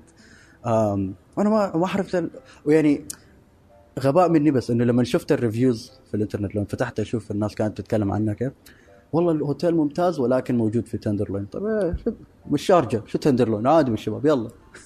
تتضارب معها آه بتضارب. ما في الله لا يوري وين تضارب؟ هنا تحترم نفسك تسكت. ف... فكانت تجربة ممتازة. يعني دي أكثر تجربة كانت إيش تعلمت إيش حصل إيش حصل؟ يعني إيش في مواقف كذا تتذكرها؟ أوكي. أم... أنا ما عرفت في بودكاستكم بتقولوا عادي تاخذوا راحتكم بس. خذ راحتك. okay أخذ راحتي. okay أحذفوها بعدين إذا ما حابين. أم... لا كان موقف على ما أتذكر. راجع من الجامعة يوم متأخر في الليل. كان عشرة ونص كذا ف شفت واحدة كذا من تعون ال- الجنكيز اللي في الشارع دول. شعر ما في وهدوم ملابسها منتهية شكله يعني يحزن. أنا ما شفتها ما أعرف شو السبب. طلعت فوق سيارة هي طلعت هي هي؟ طلعت طلعت فوق السيارة. نزلت بنطلونها. وزقت. أوف أوف. السيارة. وأنا بقيت بطالع وبطالع حواليني. الناس كأن الموضوع عادي. وأنا يا دوب لي أربع خمسة يوم؟ يا يا أول أمس واصل أمريكا. بنت الحلال إيش السالفة؟ واو. خلصت وقفت اديتك واحدة من دي. رفعت البنطلون ومشت أنا في بتاعت شوك يعني ما ما فهمت الحاصل وبطالع يعني والناس عادي يعني إنه كأنه أنا المجنون ومش هي دوبك واصل أمريكا يا يعني. دوب واصل. أم ثاني موقف كان حصل. مشيت حفلة. بعد, خلاص تعودت على الجوكر هناك فترة ومع شباب من الجامعة طلعنا على كان حفلة لفنان بتاع هيب هوب بعد الحفلة برا قاعدين وطلع الفنان. هو بنتصور معه إحنا بنتصور كذا تسمع خبيط. طلعنا الخبيط طلع شنو؟ أربع رجال شرطة مسكوا واحدة مرة عجوز. نزلوها في الأرض ضربوا فيها يلبشوها وبيضربوها فدي كانت على بدايات اللي هي Black Lives Matter قبل ما تبدأ. آه، okay. فعلى أيام الشرطه كانت تضرب ال blacks وأنا أول مرة أشوف موضوع ده في حياتي. ده كان م... ده كان أنا كنت في حاله رعب غريبة. لأنه أنت بتتجمد في مكانك ما بتعرف تعمل شيء انت بتساعد بس إذا حاولت تساعد أنت زيك زيها ما حتتساعد وأنا مش انه امريكي زي سوداني بابا. وين؟ ما في. فبس لقيت نفسي في مكاني كده. يعني عايز اساعد وفي ناس بتشرد. وفي ناس طل... بقت تصور طلعت تليفوناتها و oh this is going on Instagram والناس يتفلسفوا والشرطة طبعا ما لهم خص بحد بيضربوا في الحرمة. okay. شوية القى لك الشباب ماسكني ويلا بيسحبوا فيني. يلا يلا. أخذوني معهم شباب بنسوي شيء. وين حبيبي بنسوي شيء؟ أنت زيك زيها هنا. ما بشوفوا فرق أجنبي ما اجنبي أنت black زيك زيها اسحب نفسك أروح ف فدي كانت شوية صعبة يعني تقبل المنظر ده وما تقدر تسوي شيء كان صعب أم فدي كانت من ال cases اللي حصلت معي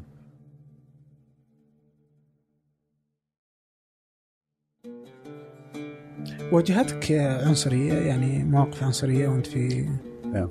أمريكا عنصريتهم أحلى من تحت العرب والله؟ أوريك ليه لأنه؟ هناك إذا مثلا إذا واحد عنصري بيجي بيقول لك اسمع أنت أسود I don't like you بس من الآخر خلاص تمشي في طريقه ويمشي في طريقه ما حتتعامل معه.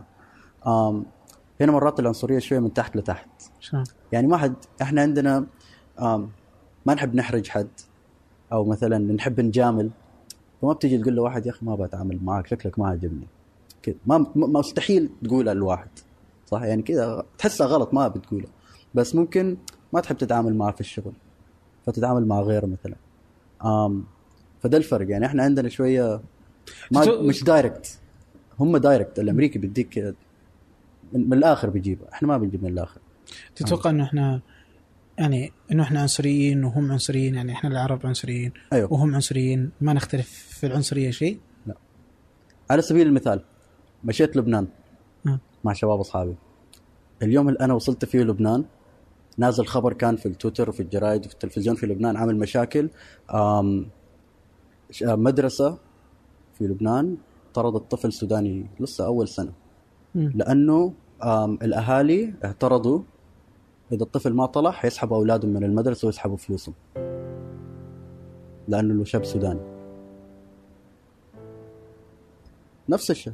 فرق بين الأم- العنصرية الأمريكية والعنصرية عندنا شنو؟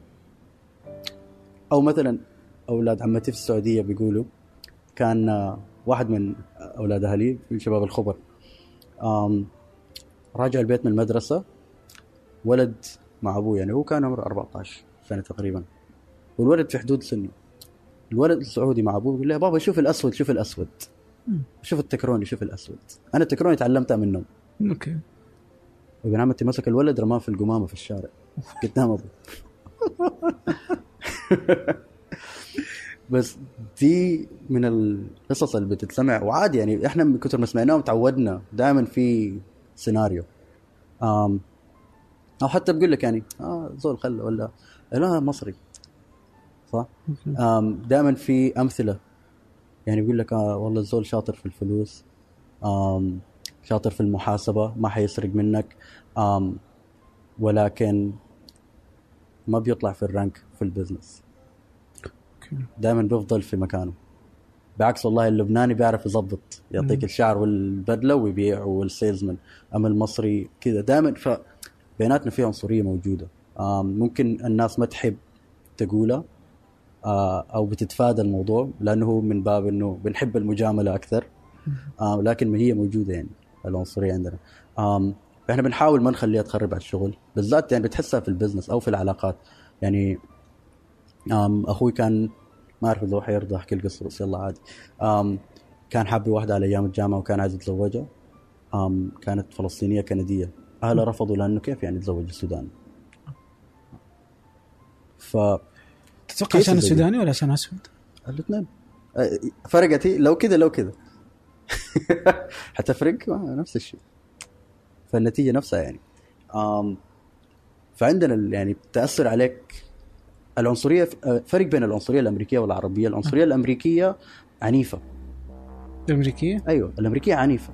فيها ضرب فيها قتل فيها مشاكل بتطلع منه صح؟ زي العنصرية مثلا زي مشاكل الشرطة مع صح. الشعب.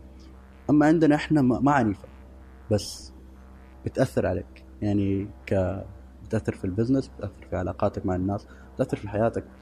ف هي بس الفرق إنه هناك في ضرب هنا ما في. إيش في أشياء تحس إنه الناس ما تحس إنه يعني يسوونها وهي أفعال عنصرية وتأثر عليك. وت... وتتوقع إنها جاية من بدون شعور إي. ما يشعر يعني ما ود انه أصلا أيوة. ي- يفعلها طيب؟ واحدة منهم اللي هي آم آم دي طبعا أكثر واحدة بحبها يا أخي والله ما عرفتك سوداني يا أخي أنت مش كسلان يا أخي دي أكثر واحدة تزعل إنه والله يا أخي أنت. أنت ما شاء الله أنت أكيد سوداني بس يا أخي ما عندك الكسل يا أخي دائما تشتغل. فبعدين دائما سؤالي في حياتك قابلت سوداني كسلان؟ مم. آه يعني بس تعرف شو يقولوا؟ لا ما أعرف شو يقولوا. أنت قول لي شو يقول. لا بس تعرف يعني النكت. أوكي فهمنا النكت. أنت قابلت سوداني كسلان؟ يقول لك لا. طب كيف؟ من وين يعني جاب الكلام؟ بس دي أكتر واحدة يعني اللي هي حتى بيجيبوها من باب خفة دم يعني. أكثر شيء. وتزعج. اي تزعج طبعا. لأنه وين السوداني كسلان؟ إحنا يعني أك... ما حاب أتكلم عن السودانيين كعامة بس إحنا يعني we are بنشتغل. و اللي بيكون كسلان اللي بيكون شنو؟ حياته حلوة ومرتاح. هو اللي بيكسل أكثر يا أخي. هي وش؟ يعني كل واحد يت- يتضرر. يعني هذا نفسه اللي يقولها ولا أي. أحد أو ممكن حتى إنه أنا اللي أغلط أو حتى ممكن أنت اللي تغلط وتقع فيها. كلنا نتضرر من هذه الصور النمطية. صح. يعني اليوم كم يعني كل الناس اللي ممكن أي أحد يقول مثلا أنا سوداني كسلان يحس انه إيه، المفترض إنه ما يزعل. يزعل لما الأمريكي يقول أوه أنت السعودي إرهابي. ولا يجي يقول أوه أنتم العرب كلكم آه، قذرين ولا أيوه. أيوه. إرهابيين ولا ما عندكم سالفة. أو لما يجي يقول أوه أنتم المسلمين. كذا لما يأخذ المسلمين يحطهم في قالب واحد ويعمم عليهم صورة نمطية كذا ظاهرة. م- سواء كانت يعني حقيقية إلى حد ما أو غير حقيقية. فمزعج هي مزعجة جداً. يعني استشعر قديش هي مزعجة لك لما تذكر عليك. وطبق على شيء ثاني يعني جالس في السعودية شو بيقولوا عنكم شنو؟ يعني في مثلا الصورة النمطية عن السعودية مثلا آه، إرهابي. من هذه الغ- اللي في الغرب يعني أيوه. والهنا. أو غبي يعني برضو يعني يكون إنه آه زي هذه العربي أتوقع. اللي يكون أو الخليجي يمكن أوكي اللي هو إنه فلوس بس غبي هو يعني ما عنده سالفة يعني. صح؟ و- وتزعج تزعج. إيه طبعا. تقدر تجيبها إنك أوه بس أنكت بس تزعج. إيه. المفترض إنك ما تقولها. المفروض إيه. ما هي دي المشكلة هنا فحتى بيقولوا لك آه بس يعني كلها نكتة يا أخي إنه. يلا بس أوكي هي فعلا كلها نكتة بس أساس النكتة غلط. إحنا تعال نصلح هنا. فأنا دائما فاهم إنه ما ما حغير الناس كلها بس مع كل حد أتقابل معه وأتكلم معه إنه أحاول أوضح نقطه إنه الكلام ده ما يجي ما يجي. آم فهي شوي شوي بتجي مع مرور الزمن يعني. ف وكانت واحدة من أسباب لي- بدايتي لي دكان إنه أحارب الأفكار النمطية دي بطريقة أو بأخرى. لا إذا حاولت أحاربها كده بعنف ومشاكل ما حتمشي لقدام صح. فإحنا نحاربها ب... يعني تحاول تنكت من هنا وتضحك من هنا وتساير مع الناس وتجيب منه آم تفتح المواضيع بطريقة إنه تساعد الناس ترتاح شوية تعرف تتكلم معك. فدي كانت نقطة مهمة. فحتى عشان كيف دكان لما نتكلم في المواضيع دي بنتكلم فيها دائما من ناحية إنه من تجربة آه من تجربتي نفس من تجربة نفسية أو بتجيبها من طريقة إنه أوكي ده اللي حصل كيف مفروض نحاول نصلح أو نغير من النقطة دي. فما بنحاول نتكلم فيها بطريقة سلبية مهم. أو بطريقة عنيفة. بالعكس ما إحنا نكون بنرحب بالناس أكثر يعني مر عارف ال trolls اللي بيجوا بيعلقوا دائما دول؟ آم دائما بيجوا بيعلقوا بيكون عندهم كلام مثلا أنتوا إيش تسوون أغبياء ودكان؟ فدائما نردي لهم أي عندك مشكلة مع البرنامج؟ تعال نفتح المايك ونتكلم. أوكي. نشغل المايك ونعلق. كم واحد من ال trolls جو؟ كم؟ ولا واحد. كل ما أفتح مع كل ما حد عنده تعليق ولا تعال على البرنامج نتكلم نشوف نحل الموضوع. حلو on the microphone يعني. ما في حد بيجي. فالفكرة إنه دائما شنو بس تفتح الباب للناس إنه تيجي تقعد معاك وتتكلم قدر الامكان أوكي. طيب كيف آه، حكينا عن دكان. مم. آه، أول شيء كذا ال- الاسم يعني. آه منين جاء؟ الاسم. بس من جا- قا- قعدات الشباب دي. كانت الفكرة اول ما ابتدينا. حبيت يكون أنا أصلا كنت في الإذا... آه، من كم سنة عملت كنت في الإذاعة كنت في الراديو. في برنامج كان آه، بس آه، قناة أغاني يعني مش talk show يعني. ف وقتها كان نفسي أقدر يكون عندي برنامج أقدر أتكلم فيه على برا... مواضيع ثانية بعدين مشيت أمريكا وأنا في أمريكا تعلمت عالم البودكاست وقتها. آم كان وقتها يا دوب كذا بادي كان في بودكاست طلع اسمه Serial أوكي رهيب. وال Serial طبعا هو اللي كان انت اللي أشهر فكرة البودكاست في أمريكا. فجاتني فكرة إنه كان أعمل بودكاست عننا إحنا كمان ف رجعت الإمارات وقتها قابلت الشباب قلت لهم شوف أنا خلاص دي الفكرة لازم نعمل بودكاست أوكي وشو وش البودكاست وكيف نسويه؟ بدينا في ال... في بدينا يعني في ال- الدراسات ونشوف كيف أصلا نعمله. ف فكرة دكان جات أنا أول شيء قلت لهم أبو بودكاست يخلينا نقدر نتكلم مع أي حد عن أي topic إحنا حابين نتكلم فيه. حلو. أوكي؟ فوين أحسن مكان أو طريق الناس ممكن تقعد وتتكلم وتاخذ راحتها؟ فبدينا كل واحد يلا يتفكر ويتذكر أيامه. ونحاول وكان عندنا أسامي كثيرة. بس دكان ثبت معانا لأنه كانت قعدات الشباب إحنا قدام الدكان في. في ال- في الحاره ما كانت بتفرق. أنت جاي من وين؟ سوداني سعودي إماراتي أجنبي. خلاص القعدات بنقعد مع بعض. قبل الكرة وبعد الكرة إحنا موجودين كافتيريا هناك كل شيء. فالقعدة دي كانت أيامها حلوة. حتى كانت تتفتح مواضيع اللي يسوى واللي ما يسوى. أوكي. فقلنا يلا ليش مش دكان؟ دكان كان الواحد ياخذ راحته. لأنه حتى إذا ما عندي حد أعمل معاه interview ما مشكلة إحنا نسجل. أوكي قعداتنا إحنا سوالفنا حكينا أوكي فكانت الفكرة هنا. ف دي فحتى يعني الاسم جاء بعدين.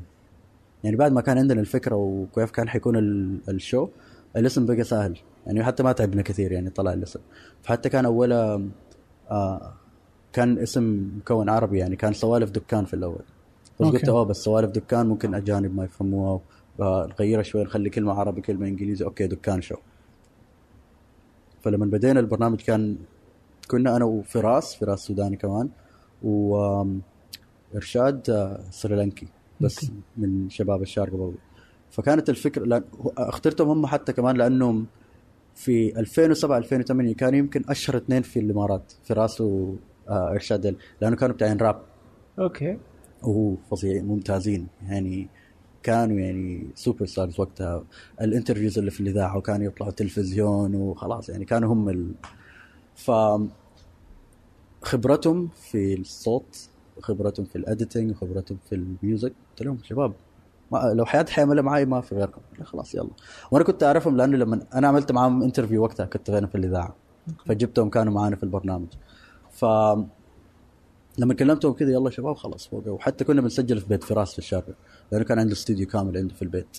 لا وقتها لا اشترينا مايكات ولا شيء خلاص كله موجود. آم فابتديت معاهم آه فبدينا في ال journey بتاع الدكان. أنا مسكت أي شيء ثاني غير التسجيل.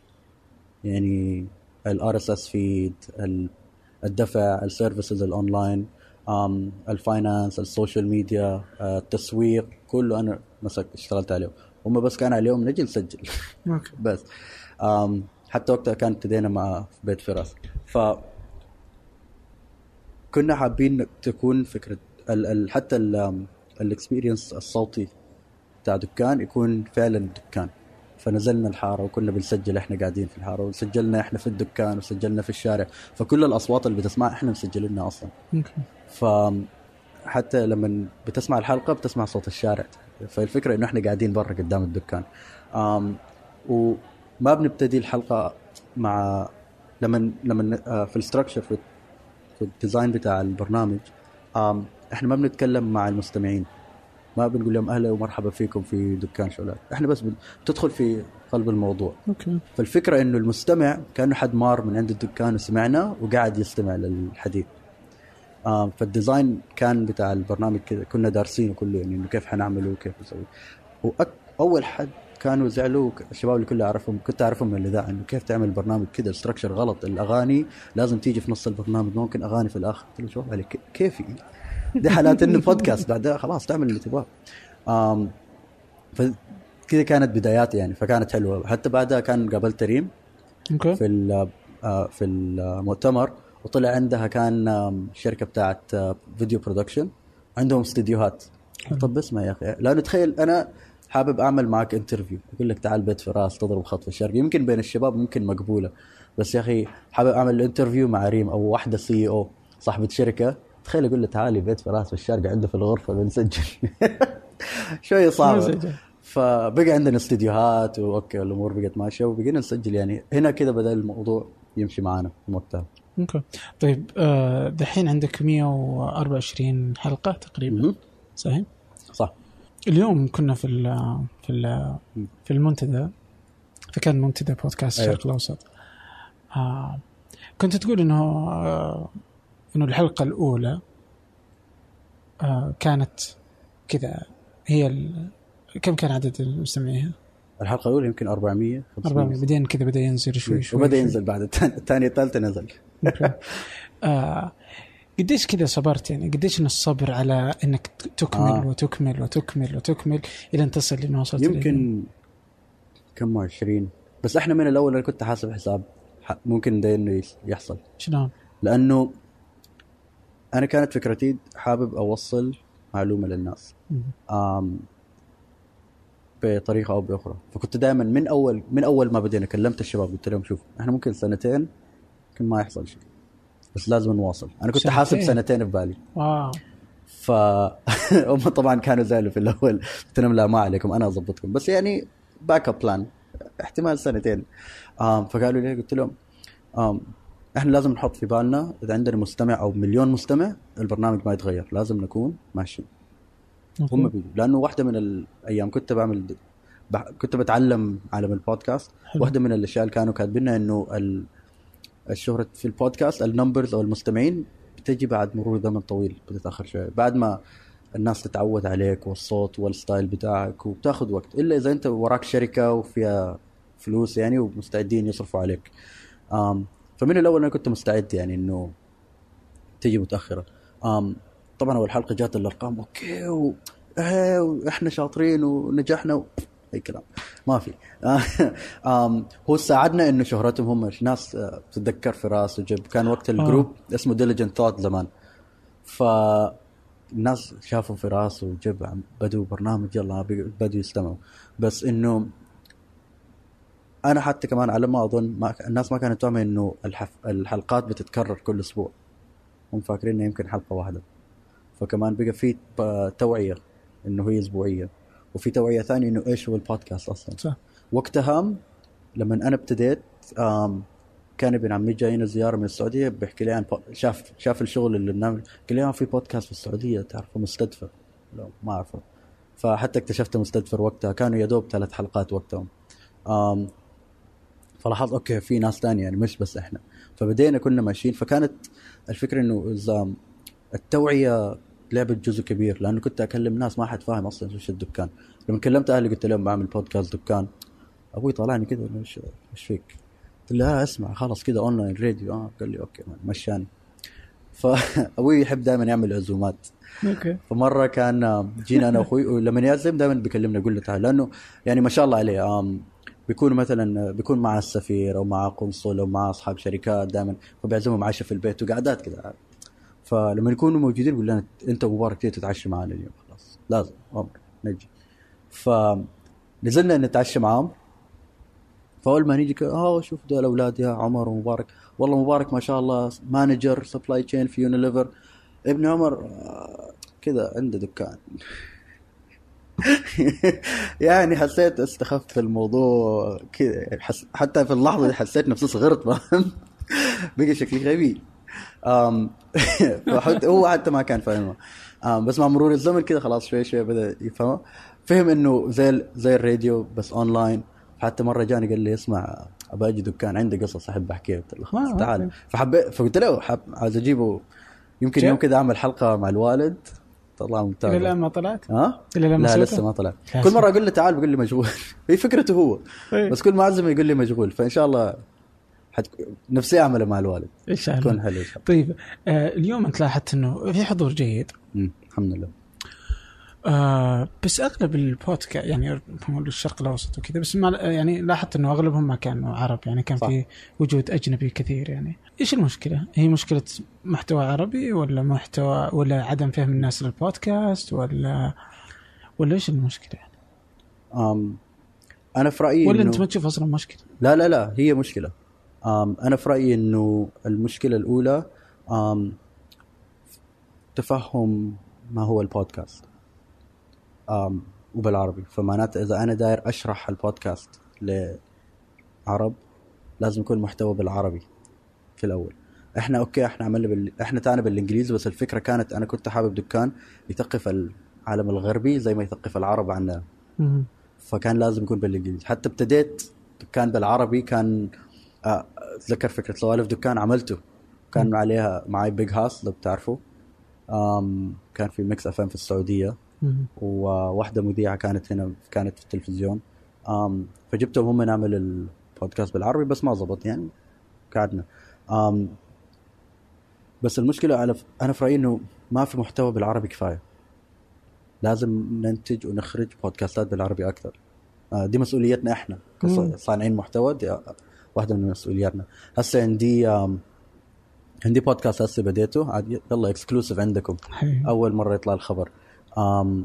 مع مايا حجيج. مايا حجيج واحدة لبنانية عايشة في الإمارات.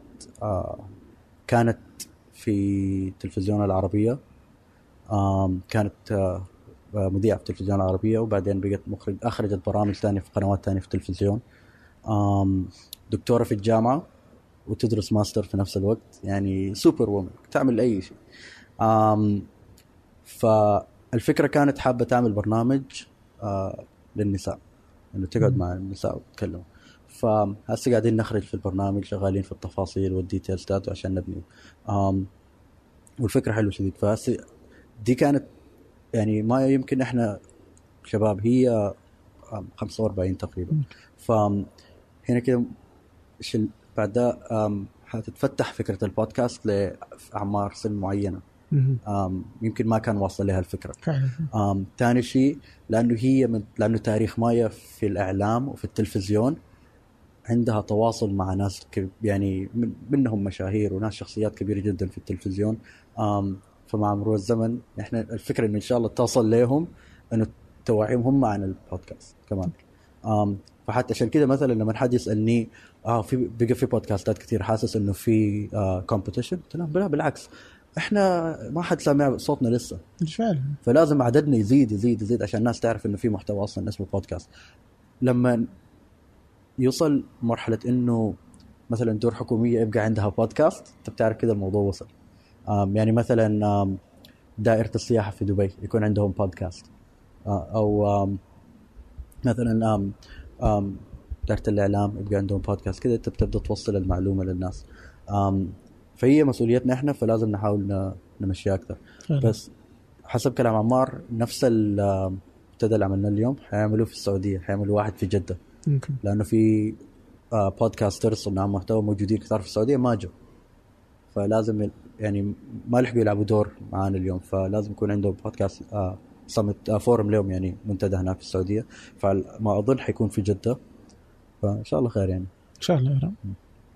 وتكون تجي أنت وقتها. أكيد. آه طيب على قبل شوي أنت كذا كنت تقول إنه كان ودك إنه الناس آه يعني من خلال دكان دكان يعني هو بالإنجليزية. مم. إن شاء الله هذا هو المحتوى الثاني بالعربي. هو بالعربي الثاني بالعربي. إن شاء الله يوم ما الدكان يصير كذا في شيء. عربي يعني أو نسخة ثانية عربية. بس كانت فكرتك إنه أنت تبغى تصدر ثقافة وتفهم. الناس أكثر عن آه المجتمع. آه في جانب آخر مثلا آه يعني هل أصلا إحنا العرب يعني مقلين في تصدير ثقافاتنا للناس مثلا يعني لطالما إنه يزعجني جدا عدم وجود مثلا كبسة في أمريكا مثلا آه. أو آه يعني كذا اللي ما أدري شلون. ممكن آه. أحد يقدر يسوي بزنس جديد ويطلع كبسه كذا. بشكل معلب كذا أيوة. جديد ينفع لل يتقبل ال- الغرب أنا معك. يعني أنا إيه معك بكرة بنسوي فعلا والله. خلاص فكرة ممتازة يعني زي كذا آه، آه، في أكلات مثلا في مثلا عندنا في جنوب المملكة مثلا في أكلات كثيرة مثلا. مشروطه عريكه ما أدري كيف. كذا اللي ما طلعت أصلا ولا تصدرت عربيا من بالك آه،. عالميا في أكلات سودانية أكلات آه، إماراتية كويتية مصرية كثير. وهكذا. يعني ما صدرنا يمكن إلا حمص فلافل آه، إيش في كمان ذكرني؟ آم، عندنا شيشة. محمص وش... أوف أوف. آه، شيشة. آه شيشة ضخمة كمان. والحمص أكثر شيء وال الخب آه فضل الفلافل لا ال- إنتوا تسموه شنو؟ آه هو ال- الخبز العربي. الخبز اللبناني ذا كمان عندهم. آه okay. إيه آه فعلا. أشياء بسيطة كذا. معدودة يعني متبع طبعا بعض أيوة، الاشياء أيوة، كذا بس ما صدقنا بينما إنه تجد مثلا في الصين الأكل الصيني طالع التايلاندي طالع ال- آه، ال- الياباني السوشي طبعا. يعني وين المشكلة؟ يعني هي مشكلة إنه أكلنا فعلا ما يؤكل ولا إنه إحنا ما عرفنا نسوق فعلا إحنا بس؟ ما عرفنا نصور إحنا دائما مشكلتنا التسويق. إحنا دائما مشكلتنا مشكلة التسويق لأنه بال... يعني الأكل العربي ممتاز. مشكلتنا بس ما عرفنا نسوق. يعني مثلا كيف يت- يتقدم الأكل بطريقة سهلة للأجانب يفهموه أو يتقبلوه على سبيل المثال العود. لما. العود بيجيك في علبه كذا صح مم. وتفتح الابواب وتطلعها وفي الآخر هو كله كذا ليش؟ بس إذا مثلا والله أنا غيرت الشكل التع... التعبئة بتاعت العود حطيته في علبة كولون سهلت الموضوع. بطريقة إنه هم ممكن يفهموها اسهل لأنه بدل ما أجيب لك بوكس كامل كذا عشان علبة صغيرة ليش؟ ما له داعي. فهي بس فكرة تسويق وفكرة packaging كيف يطلع شكله آم... شغل تصميم يعني هسي اللغة العربية بقت. ذكر زمان كيف كان دائما بيوشموا بالصيني آه، هسي الموضه الوشم يكون العربي. عربي إيه. والمشكلة حتى يو- ي- ي- يوشمون خطأ غلط. بس أهم شيء الشكل يعني. الا بس خلاص إنه وشم عربي بس هي ف... فهي إنه كيفية التسويق عشان نوصلها للناس. جزء كبير تاني إنه إحنا لما نمشي طول الغرب في ناس بتحاول إنه ما توري ان هم عرب. آم... والحقيقة بالعكس إنه فعلا بتتكلم زي ما قلت لك مطعم المندي ده. آم... هم يمنيين كانوا مشوا أمريكا وعلى قد حالهم المطعم فتحوا المطعم في سان فرانسيسكو وأغلب اللي بياكلوا فيه عرب. صح. طيب يا ابن الحلال جيب أصحابك معك من الجامعة وجيب الأجانب اللي تعرفه انت في أمريكا. يعني ما عرفت ليه تجيب أحمد ومحمد معاك ياكلوا؟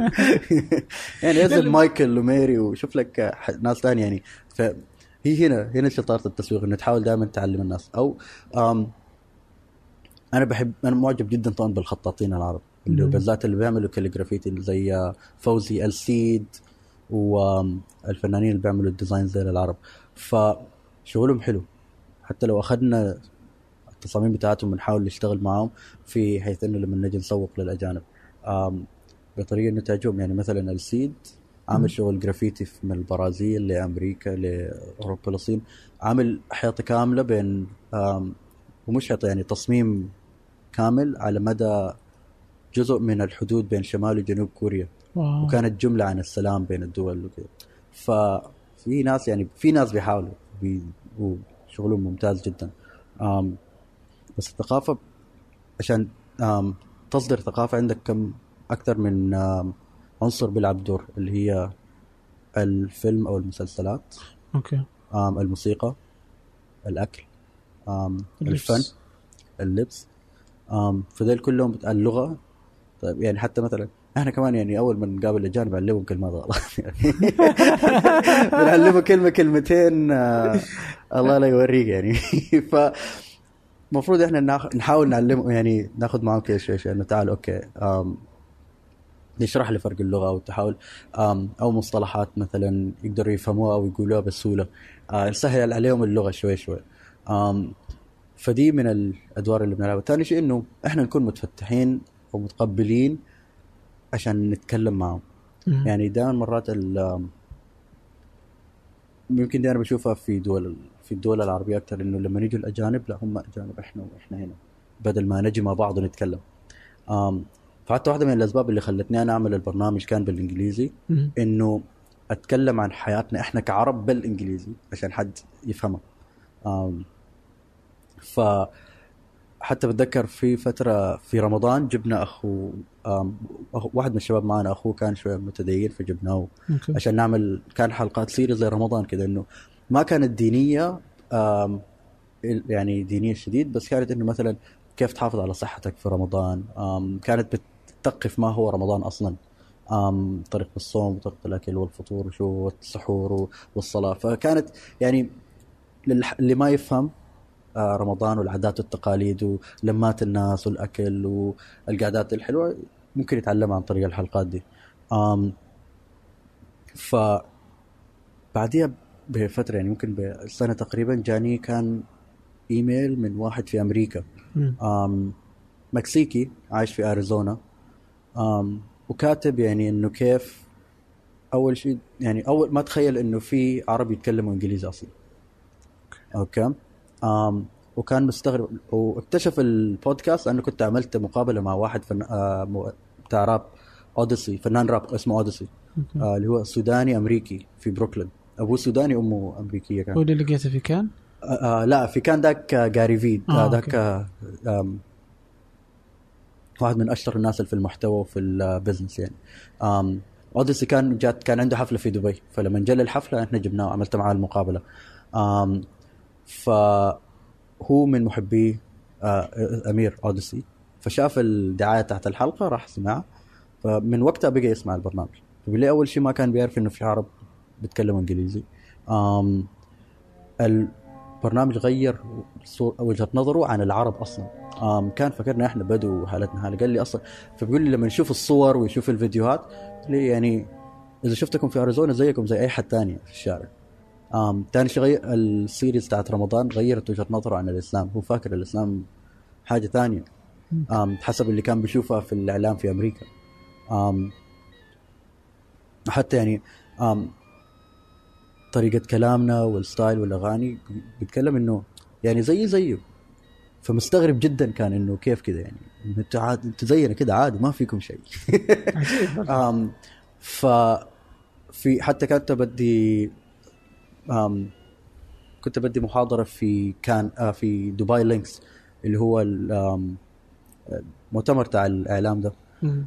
فرسالة الولد في رسالة الولد دائما بجيبها دائما بفتحها وبقراها للناس عشان يشوفوا إنه إحنا أوكي عملنا بالإنجليزي بس دي دي الفكرة إنه تصل لناس بالطريقة دي. فعلا يعني اللي طالما إنه كذا المحتوى عن العرب عن السعودية عن الإمارات عن أي مكان يعني.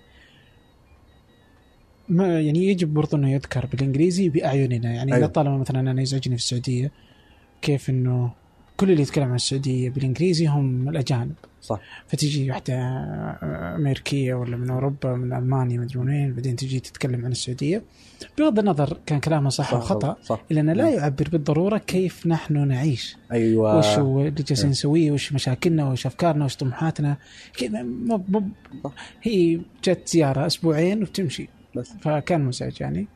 آه لقلته يعني حقيقة. وهذا يعتبر محتوى عربي يعني بشكل أو بآخر يعني لأنه يتكلم عن العرب يعني, يعني حتى كان واحدة من أكثر الحلقات اللي عجبتني وناس كثير تكلموا فيها آم واللي تكلموا فيها كانوا أجانب أكثر من العرب مع فهد البتيري. okay. آم على أيام كان جاء فهد كان في دبي وعملنا معه حلقة. وكان بيتكلم يعني عن الكوميديا في السعودية وكيف كان ابتدى هو في أمريكا وكيف أخذ وبقى يعمل شغل كوميدي وقصة تلفاز 11 وهم كيف كانوا يشتغلوا. آم فبذكر كان في كثير كانوا بعتوا بيسألونا عن وين يحضروها. بعدين تبعت اللينكات بس آه بس بالعربي ما في subtitles آه okay والله فكرة. ف بس هنا تعلمنا إنه إذا حنعمل محتوى عربي على أقل شيء يكون في subtitle موجود بالإنجليزي عشان الأجانب يفهموه. صحيح. لأنه يعني الشغل اللي عملوه شباب تلفاز وشباب يوترن وصناع المحتوى في السعودية يعني غير العالم العربي شلون؟ يعني انت اليوم عندك حوالي 90 مليون مشاهدة يوتيوب في اليوم في السعودية okay. أكبر عدد مشاهدات يوتيوب في العالم جاي من السعودية معناتها إذا أخذنا عدد النا... عدد الناس الموجودين في السعودية معناته كل واحد على الأقل بيحضر ثلاثة فيد... ثلاثة فيديوهات يوتيوب في اليوم. يعني أرقام فلكية. فمعناته إذا كل واحد بيحضر فيديو أكيد أنت إذا المحتوى بتاعك سعودي أو إذا السعوديين بيعملوا محتوى ممتاز للأجانب حيطلع viral لأنه السعودية بس ال views في السعودية ممكن تم... ت... تخلي الفيديو يطلع viral صح؟ فدي أسباب النجاح. يعني أغنية هشام فقيه وفهد زمان تحت ال- قيادة المرأة No Woman No Drive يعني دي وصلت كانت السي ان ان والبي بي سي وكذا. لأنه كانت أغنية بالإنجليزي. صح. ف بس على لنقطتك إنه هم السعوديين بيتكلموا عن المحتوى صح. بتاعهم أو بيتكلموا عن حياتهم هم في السعودية. فهنا الرسالة تفرق صح؟ أو زي ما يكون آم، سوداني أو عربي أو أي شيء عايش في السعودية أو عايش في الإمارات إحنا كذا دي وجه بنتكلم عن حياتنا إحنا دي وجهة نظرنا إحنا. مش واحد جاء. أصدق يعني. أيوه أصدق. ما واحد جاء كذا أخذ كذا يعني أنا ممكن أتكلم عن المعصوب لأنه أكلته لين ما شبعت. بس تخيل دي اللي بتتكلم عنها الاجنبيه جات تتكلم تعمل كذا حلقة عن المعصوب. إيه. ما شوية ما حتجي. إيه. فص... كيف أصلا حتشرح المعصوب؟ لا لا. يعني ولا يعني كل شيء يعني ما شلون تشرح؟ يعني انت انت اليوم لو تبغى تعرف عن أي دولة لو تبغى تعرف عن اليابان ودك إنه ياباني هو اللي يشرح لك. إياها أحسن من إنه أمريكي يشرح لك اليابان أنا بعد بكرة مسافر بس. شغل ماشي إسبانيا وماشي أمستردام عندي شغل هناك. أول شيء سويته فتحت الفيسبوك أشوف منو عندي هناك. عشان أبعث لهم شباب اسمعوا أنا جاي عندي شغل بس يعني عندي يومين كذا راح أخذ فيها إجازة.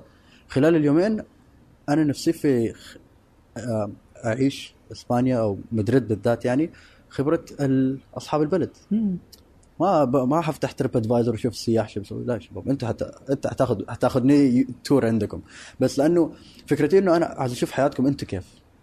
okay ممكن أ... ال tour عادي خلاص بحجزها اونلاين بطلع بمشي بتفرج المتاحف أطلع ال- الدولة اشوفها أركب تاكسي أركب باص أي شيء أشوف البلد. بس أنتوا وين تاكلوا؟ وين تتعشوا؟ وين تطلعوا؟ كيف حياتكم في البيت؟ وكذا نفسي اتعلمها يعني. ففرق يعني انه إذا أجي حابب أتكلم عن إسبانيا أنا ما حقدر أتكلم. أنا جيت يومين. وين أتكلم عنه؟ ما ينفع. لازم إسباني يجي يتكلم فعلا. فنفس الشيء. اي يعني والأماكن اللي يجوها السياح مثلا في الرياض تختلف تماما عن الأماكن اللي إحنا أكيد. أنتوا وين بتروحوا؟ اي يعني تلقى إنه كل يوم جالس تسوي شيء مختلف تماما عن ما يفعل ال- السياح. أنت بتشتغل في في في مجال الإعلانات؟ وعندك مشكلة مع آه، الشركات العالمية عندما تصنع إعلانات آه، محلية. آه كذا اللي في آخر فيديو مثلا في كان عندنا ال- ال- العيد الوطني واليوم الوطني نعم. آه فنزلت بيبسي ما أدري شفته أيوه عرفت اللي هو أنا إيش؟ أنا الربع الخالي أنا تمرة. أنا تمرة. يعني يعني لا ما أدري مين التمره ده يعني. عشان كذا جبنا تمر. وسحبته الشركة. آه، صح. كإعلان سيء. أنت تسوي اللي هو cause culture أيوه. إما إنه يسبب الثقافة أو أيوه. بسبب بسبب الثقافه الثقافة للثقافة أيوه. كيف كيف تشوف هال هالشكل؟ يعني كذا كواحد يعني يعمل في هذا المجال وتشوف آه، آه، هل الاعلانات اللي تجي يعني شركات عالمية كيف المجال للشركات المحلية فهمها للثقافه يعني وقديش مهم يعني؟ أم أوكي فدي حاجة دائما بتكلم فيها يعني الثقافة دورها مهم جدا في أي شيء تعمله من ناحية إعلامية. مرة واحد بوريني إعلانات قديمة. ما أعرف اذا شفت إذا يوم فتحت في اليوتيوب إعلانات عربية في السبعينات والثمانينات. يا بالمصري يا باللبناني مثلا دعاية بطاطس عمان بس بالمصري okay مش بالعماني. فحتى بتشوف يعني مع مرور الزمن على الأقل حاولوا يجيبوا واحد سعودي يعمل يعمل ال voice over على الإعلان. لا تلقى الآن كذا تلقى فنادق كبيرة عالمية أيوه. يحط لك سعودي ولا إماراتي. كم مرة تلقاه هنا؟ خصوصا هنا تلقاه كثير،. إماراتي لابس عقال ما أدري وش ذا العقال يعني إذا تتذكر رمضان من كم سنة آم، بتاعت بتاعت الطازج اللي جايبين واحد لابس ثوب. إيه. وماخذينه لأنه شكله سعودي بس هو على ما أظن كان اصله لبناني يمكن ولا شيء. و أنتوا بتقولوا دجاج أها. هو قال, okay. هو قال دجاج. الدجاج. فالشباب استلمت على التويتر. قالوا كيف يعني؟ الطازج وسعودي وجايبين واحد سعودي يعمل الإعلان. فهي نفس مشكلة بيبسي فهنا الثقافة تفرق. غير إنه ثقافه يعني أول شيء واضح كانت الدعاية مكتوبة أصلا بالإنجليزي وترجمت غلط. أنت من الأول إذا إعلان سعودي جيب كاتب سعودي. انت ابدا صح. جيب كاتب سعودي خليه هو يكتب الإعلان بعدين أنت تترجم إنجليزي. مش إنجليزي العربي عربي الإنجليزي. آه. لأنه هنا لأنه كمان ما ما عايزين ترجمة حرفية. ترجمة المعنى يختلف. ف فهنا هي ال... أنا عادة بحس إنه شوية يعني كسل في الشغل. أو مثلا بتحصل دائما بيجي واحد كاتب جملة كده طلعت حلوة. بيقول أوه جيب تعال مغني راب آه، يغنيها. وما حيغنيها لازم يعيد كتابتها من الأول. أوكي. صح؟ بس يعني اللغة العربية واحدة من أجمل اللغة ال- ال- يعني هي أجمل لغة بس كمان أصعب لغة في نفس الوقت. فأنا ما ممكن أجي أتفلسف وأقول حكتب شعر. أنا بثقافتي أنا كعمر مستحيل أقعد أقول لك تعال اكتب لك دعاية بالعربي وأقعد أتفلسف لأنه لا ما في ما حتنفع إنت ع- بعد كلامنا ده كله ها. كلمتين ثلاثة كل شوية بتتغير اللهجة أنا عندي. فتخيل أجي أكتب لك دعاية. مستحيل. فلازم أصلا اللي حيكتبه يكون أصل هو من أصله كاتب. وكاتب باللغة نفسها. يعني مش إنه والله بيكتب عربية فصحى معناته هو اللي يكتب الدعاية. طب هل عشت في السعودية؟ هل تعاشرت السعوديين؟ في اللي بيعيشوا في السعودية ما يعاشروا السعوديين بيكون عايش كومباوند بس. صح. صح؟ فأهم شيء في المعاشرة مع الناس. أم بتذكر مرة كان في شركتي القديمة آه مش شركتي أنا يعني الشركة أي اللي كنت. أشتغل فيها كانوا منزلين كل مرة ينزلوا إعلانات بنكون شغالين في الإعلانات قبل ما تنزل. أنا بجي بغير عليهم. لا شباب كذا غلط كذا غلط. كيف يعني؟ واحدة منهم كانوا حابين يعملوا دعاية لل آه شركة اتصالات وشركة اتصالات سعودية. وكتبوا ال- السكريبت بتاع الدعاية. فجيت أشوف السكريبت. وأنا شغلي كان آم آه استراتيجي فكنت أبني الاستراتيجي دائما للإعلانات. قبل ما تطلع أي دعاية بعمل دراسات آه، اقتصادية للسوق. بعمل آم، آم، دراسات لل competition في السوق. وبعدين بعمل دراسات للناس نفسهم. فحياتهم كيف هم شو يسووا كم عدد السكان رجال واناث الفئة العمرية. فالإحصائيات دي كلها كنت أنا أنا بعمل الدراسات دي ومنها بطلع معلومات تفيد في الدعاية. ف بتاع شركة الاتصالات حق السعودية أنا ما يخص ما كان يخصني في الموضوع بس هم كتبوه وقالوا حتجيب عمر يسأله لأنه كان بيمشي السعودية. وقتها كنت بسافر السعودية كثير جدا. آه بين الرياض وجدة لأنه آم، كنت بنزل السعودية بعمل دراسات في السعودية. بقعد مع الشباب بنطلع كافيهات قهوة مطاعم كذا ونقعد نتكلم ونسولف و... بس كانت دراسات عشان أتعلم حياتهم في السعودية كيف. آم، فجابوا لي إنه بس نشيك يعني معك. شفتها كذا أنا اللي ما سعودي قلت لهم شوفوا غلط. السعوديون ما بيقولوا هيك. وين السعودي يقول هيك؟ مثلا اول أول جملة كيف يعني السعودي يقول هيك؟ يعني غلط. مم. فبشوف الورقة okay دي لا تتغير تتغير. هنا كنا بالسوري دي بالاماراتي دي باللبناني يا شباب من اللي كتبه؟ والله جيبوا أنت- سعودي طيب. بالضبط. عندكم team عندكم مكتب في شركة عالمية. مم. عندكم مكتب في السعودية عندكم في جدة وعندكم في الرياض. في كل مكتب عندكم حوالي 20 موظف. صعب يا أخي تبعت الشباب في السعودية عدلوها يا أخي هم آه، انت بحكم خبرتك تحس إنه مو فاهمين؟ يعني يحس إنه عادي ولا يحس إن إحنا بقر ولا إيش لا لا؟ هي ان إن عادي يعني إنه ما حد بيلاحظ مرات. أو أحيانا آه، بحسوا إنه ما في وقت. عايزين نخلص مستعجلين. يلا يلا أي شيء عشان نطلع. لأنه الكلاينت. مستنيين يشوف يعني شركة الاتصال. طب وهذاك ما- شركة الاتصالات ما تشوف وتقول هو لا ما أنزل. هذا وش هذا ما- مو سعودي. الم... حسب الموظف اللي حيستلم الشغل. إيش إيش. الا تعتقد إن بعضهم يتعمد عشان تصير مستفزه عشان تنتشر أكثر؟ آه. okay اللي يقوله يوسف الحين أيوه إنه هل هو فعلا أصلا أنا يعني يصير أيوه. متعمد لاستفزاز أنا الاست... ال... يكون متعمد إنه يستفز ما شفتها هنا شفتها عند الأجانب أكثر يعني آم هل تتذكر بتاعت اتش ان ام؟ اللي عملت مشاكل كانوا جايبين آه، أطفال كذا جاكيتات وصور مش داعي هي الصور بتاعت مم. ال website والولد ال African ال black. في الجاكيت مكتوب monkey بس monkey in the jungle ولا حاجة كذا. okay. وعملت مشاكل طبعا. ال black community كيف يعني monkey وشو العنصرية ومش عنصرية وولعت مشاكل في آه، في التويتر. بعدين اتش ان ام سحبوها وقدموا اعتذار وكذا بس جيت سألت الشباب قلت لهم أنتوا أي واحد فيكم ما حيلبس اتش ان ام حتقاطعوا اتش ان ام قالوا لا. آه فمعناته إنه قلت استخدموها لهم كل اللي كل اللي صار أنتوا زعلتوا اتش ان ام طلع بدعاية free منك. لانك انت قعدت تتكلم في التويتر كذا زعلان وتعلق على اتش ان ام اتش ان ام بقوا trending طيب تتوقع ف- يعني مثلا هنا الشركات تيجي هنا- تروح تحط سعودي لابس عقال مدري شلون علشان آه. أبغى الناس تتريق لا. علي؟ لا لأنه هنا إذا قاصدين إنه الناس تتريق هنا بيخافوا. بعكس الاجانب يعني مثلا أنت أمريكي في أمريكا ما حتتسفر ما حد حيدخلك السجن بس الناس حتزعل وتتكلم آه. في تويتر الموضوع خلص. هنا إذا أنت غلطت وغلط زي ده هنا انت حتطرد الشركة ممكن الشركة ممكن تسكر في مشاكل أكبر هنا. مم. آم غير كده إحنا العرب ما بنرضى في حقنا. ما زي الأجانب ما بنرضى ما بنسكت. okay. آم فما- فالناس هنا بتخافش يعني أكثر. آم هي أكثر أغلبيتها هو آم آه اسمه شنو؟ آه ignorance. يعني جهل؟ جهل صح. أغلبيتها هي الف... الم- مش... هي جهل بس أو بيكون ما ملاحظ.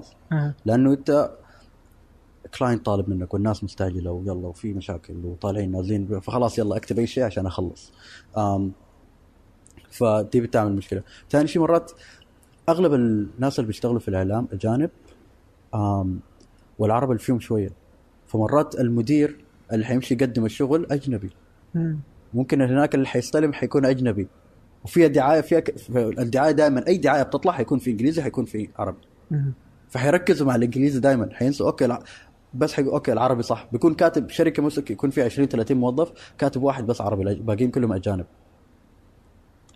فبتطلع الدعاية وما في حد مركز. لين ما تطلع وتويتر والناس زعلت وبعدين أوه ليش الناس زعلت؟ طب ما انت من الأول عندكم غلطانين. إي والله. ف... فدي من المشاكل اللي بتحصل دائما بس الحلو إنه هسي بسبب ال social media الناس بتتكلم. طلعت دي غلط حتتضرب حتطلع. الناس حتتكلم فيها يعني. فده الحلو. أم. طيب إيش في آه، إعلان. كذا عجبك؟ سواء إماراتي أو سعودي أو كذا في ذي المنطقة كذا إعلان okay. حسيته. أوه هذه. الإعلانات كذا تتسوى. إعلانات STC اللي عملوها شباب دوخي وشباب تلفاز 11 فظيعه. يا أخي دي ممتازة. ممتعة جدا يعني إيه زي فيلم كده أنت تحضره تستمتع فيه. على سبيل المثال كانت واحد عجبتني الفكرة لأنه الدعاية كانت لل لل WiFi ال data. آم والدوخي يمثل مريض نفساني دائما مستعجل. صح؟ ف وبيحكي للطبيب المشاكل اللي عنده.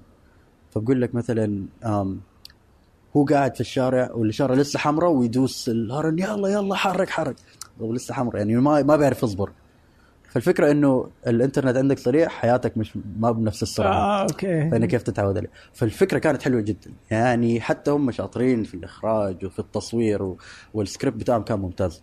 آم اي لا شباب تلفاز رائعين حلو. حتى تاعت اللي كانت تتمشى.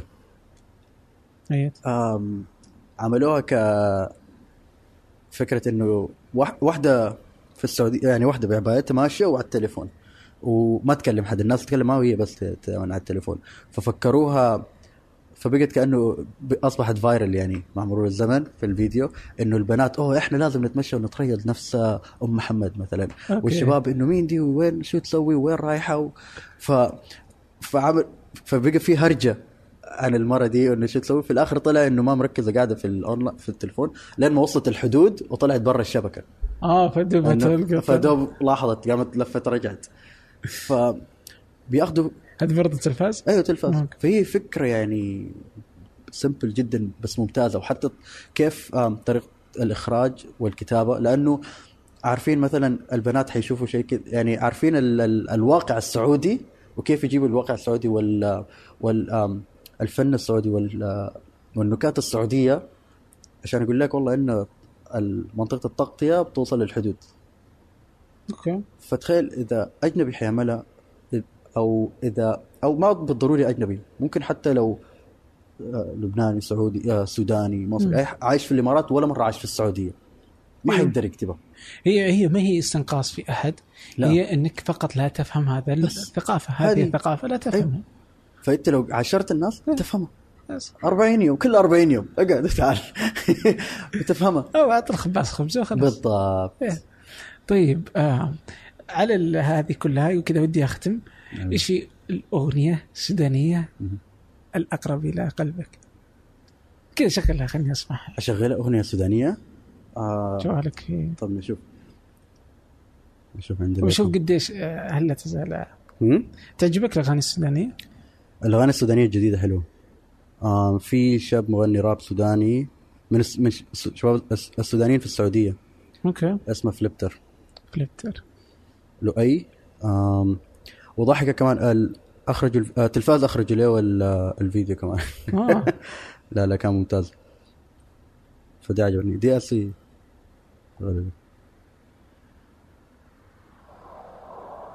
شفتي لولو بتاعت مؤيد النفاعي. ممتازة. يعني عجبتني. كمان هنختم على الأغنية دي؟ أه، ودي اسمعها يعني. إنت هي سامعه عندك؟ اسمع. انت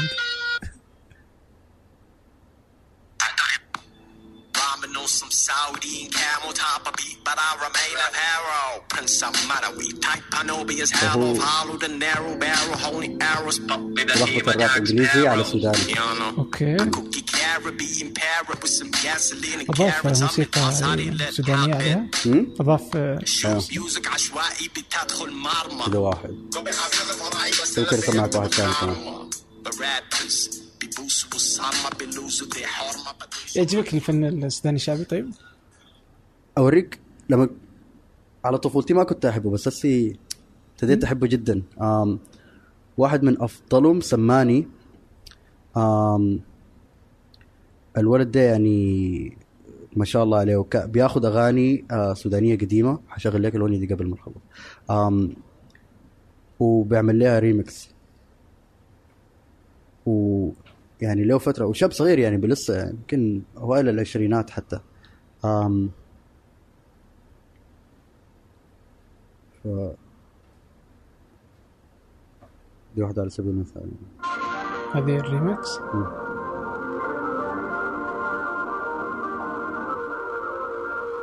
ودي أغنية سودانية قديمة جدا. شو اسمه؟ ديارهم. إيش يعني؟ ديارهم بيو آه، ديارهم. مثال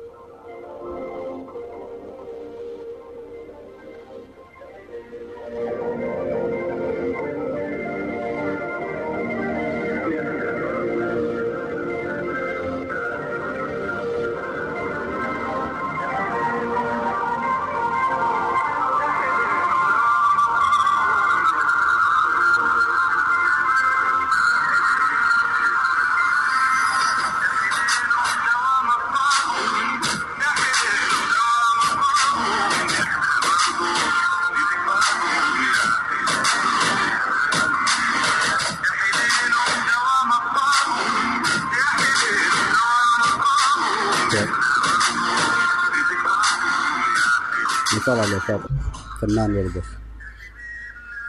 الله يعطيكم العافية يا رب. الله يعافيك يا أخي شكرا يعطيكم. العافية. والله والله. شكرا يعني لولا انه الوقت آه، تجاوز ساعة ونص يعني آه، ما شاء الله آه، قعدنا. لكملت آه كان كملنا عادي الله يعني. يسعدك. شكرا لك الله يخليك. آه الله يوفقك يا رب شكراً، آه آمين و يا إن شاء الله نشوف دكان أفضل وأفضل ونشوف أكثر من دكان. ويكون لك توفيق بإذن الله. في مشروعك في آه، دكان وفي غيره؟ اللهم آمين آه يا أي شيء تامرون به؟ دائما إحنا إحنا دائما بنخلص حلقات دكان بنقول لل آه، الضيف معانا. آم يعني بيت بيتكم أي شيء تبونه أي شيء تحتاجونه تتومر الله محتاجين يسعدك أي شيء إحنا جاهزين. شكرا. الله يخليك. شكرا جزيلا لك.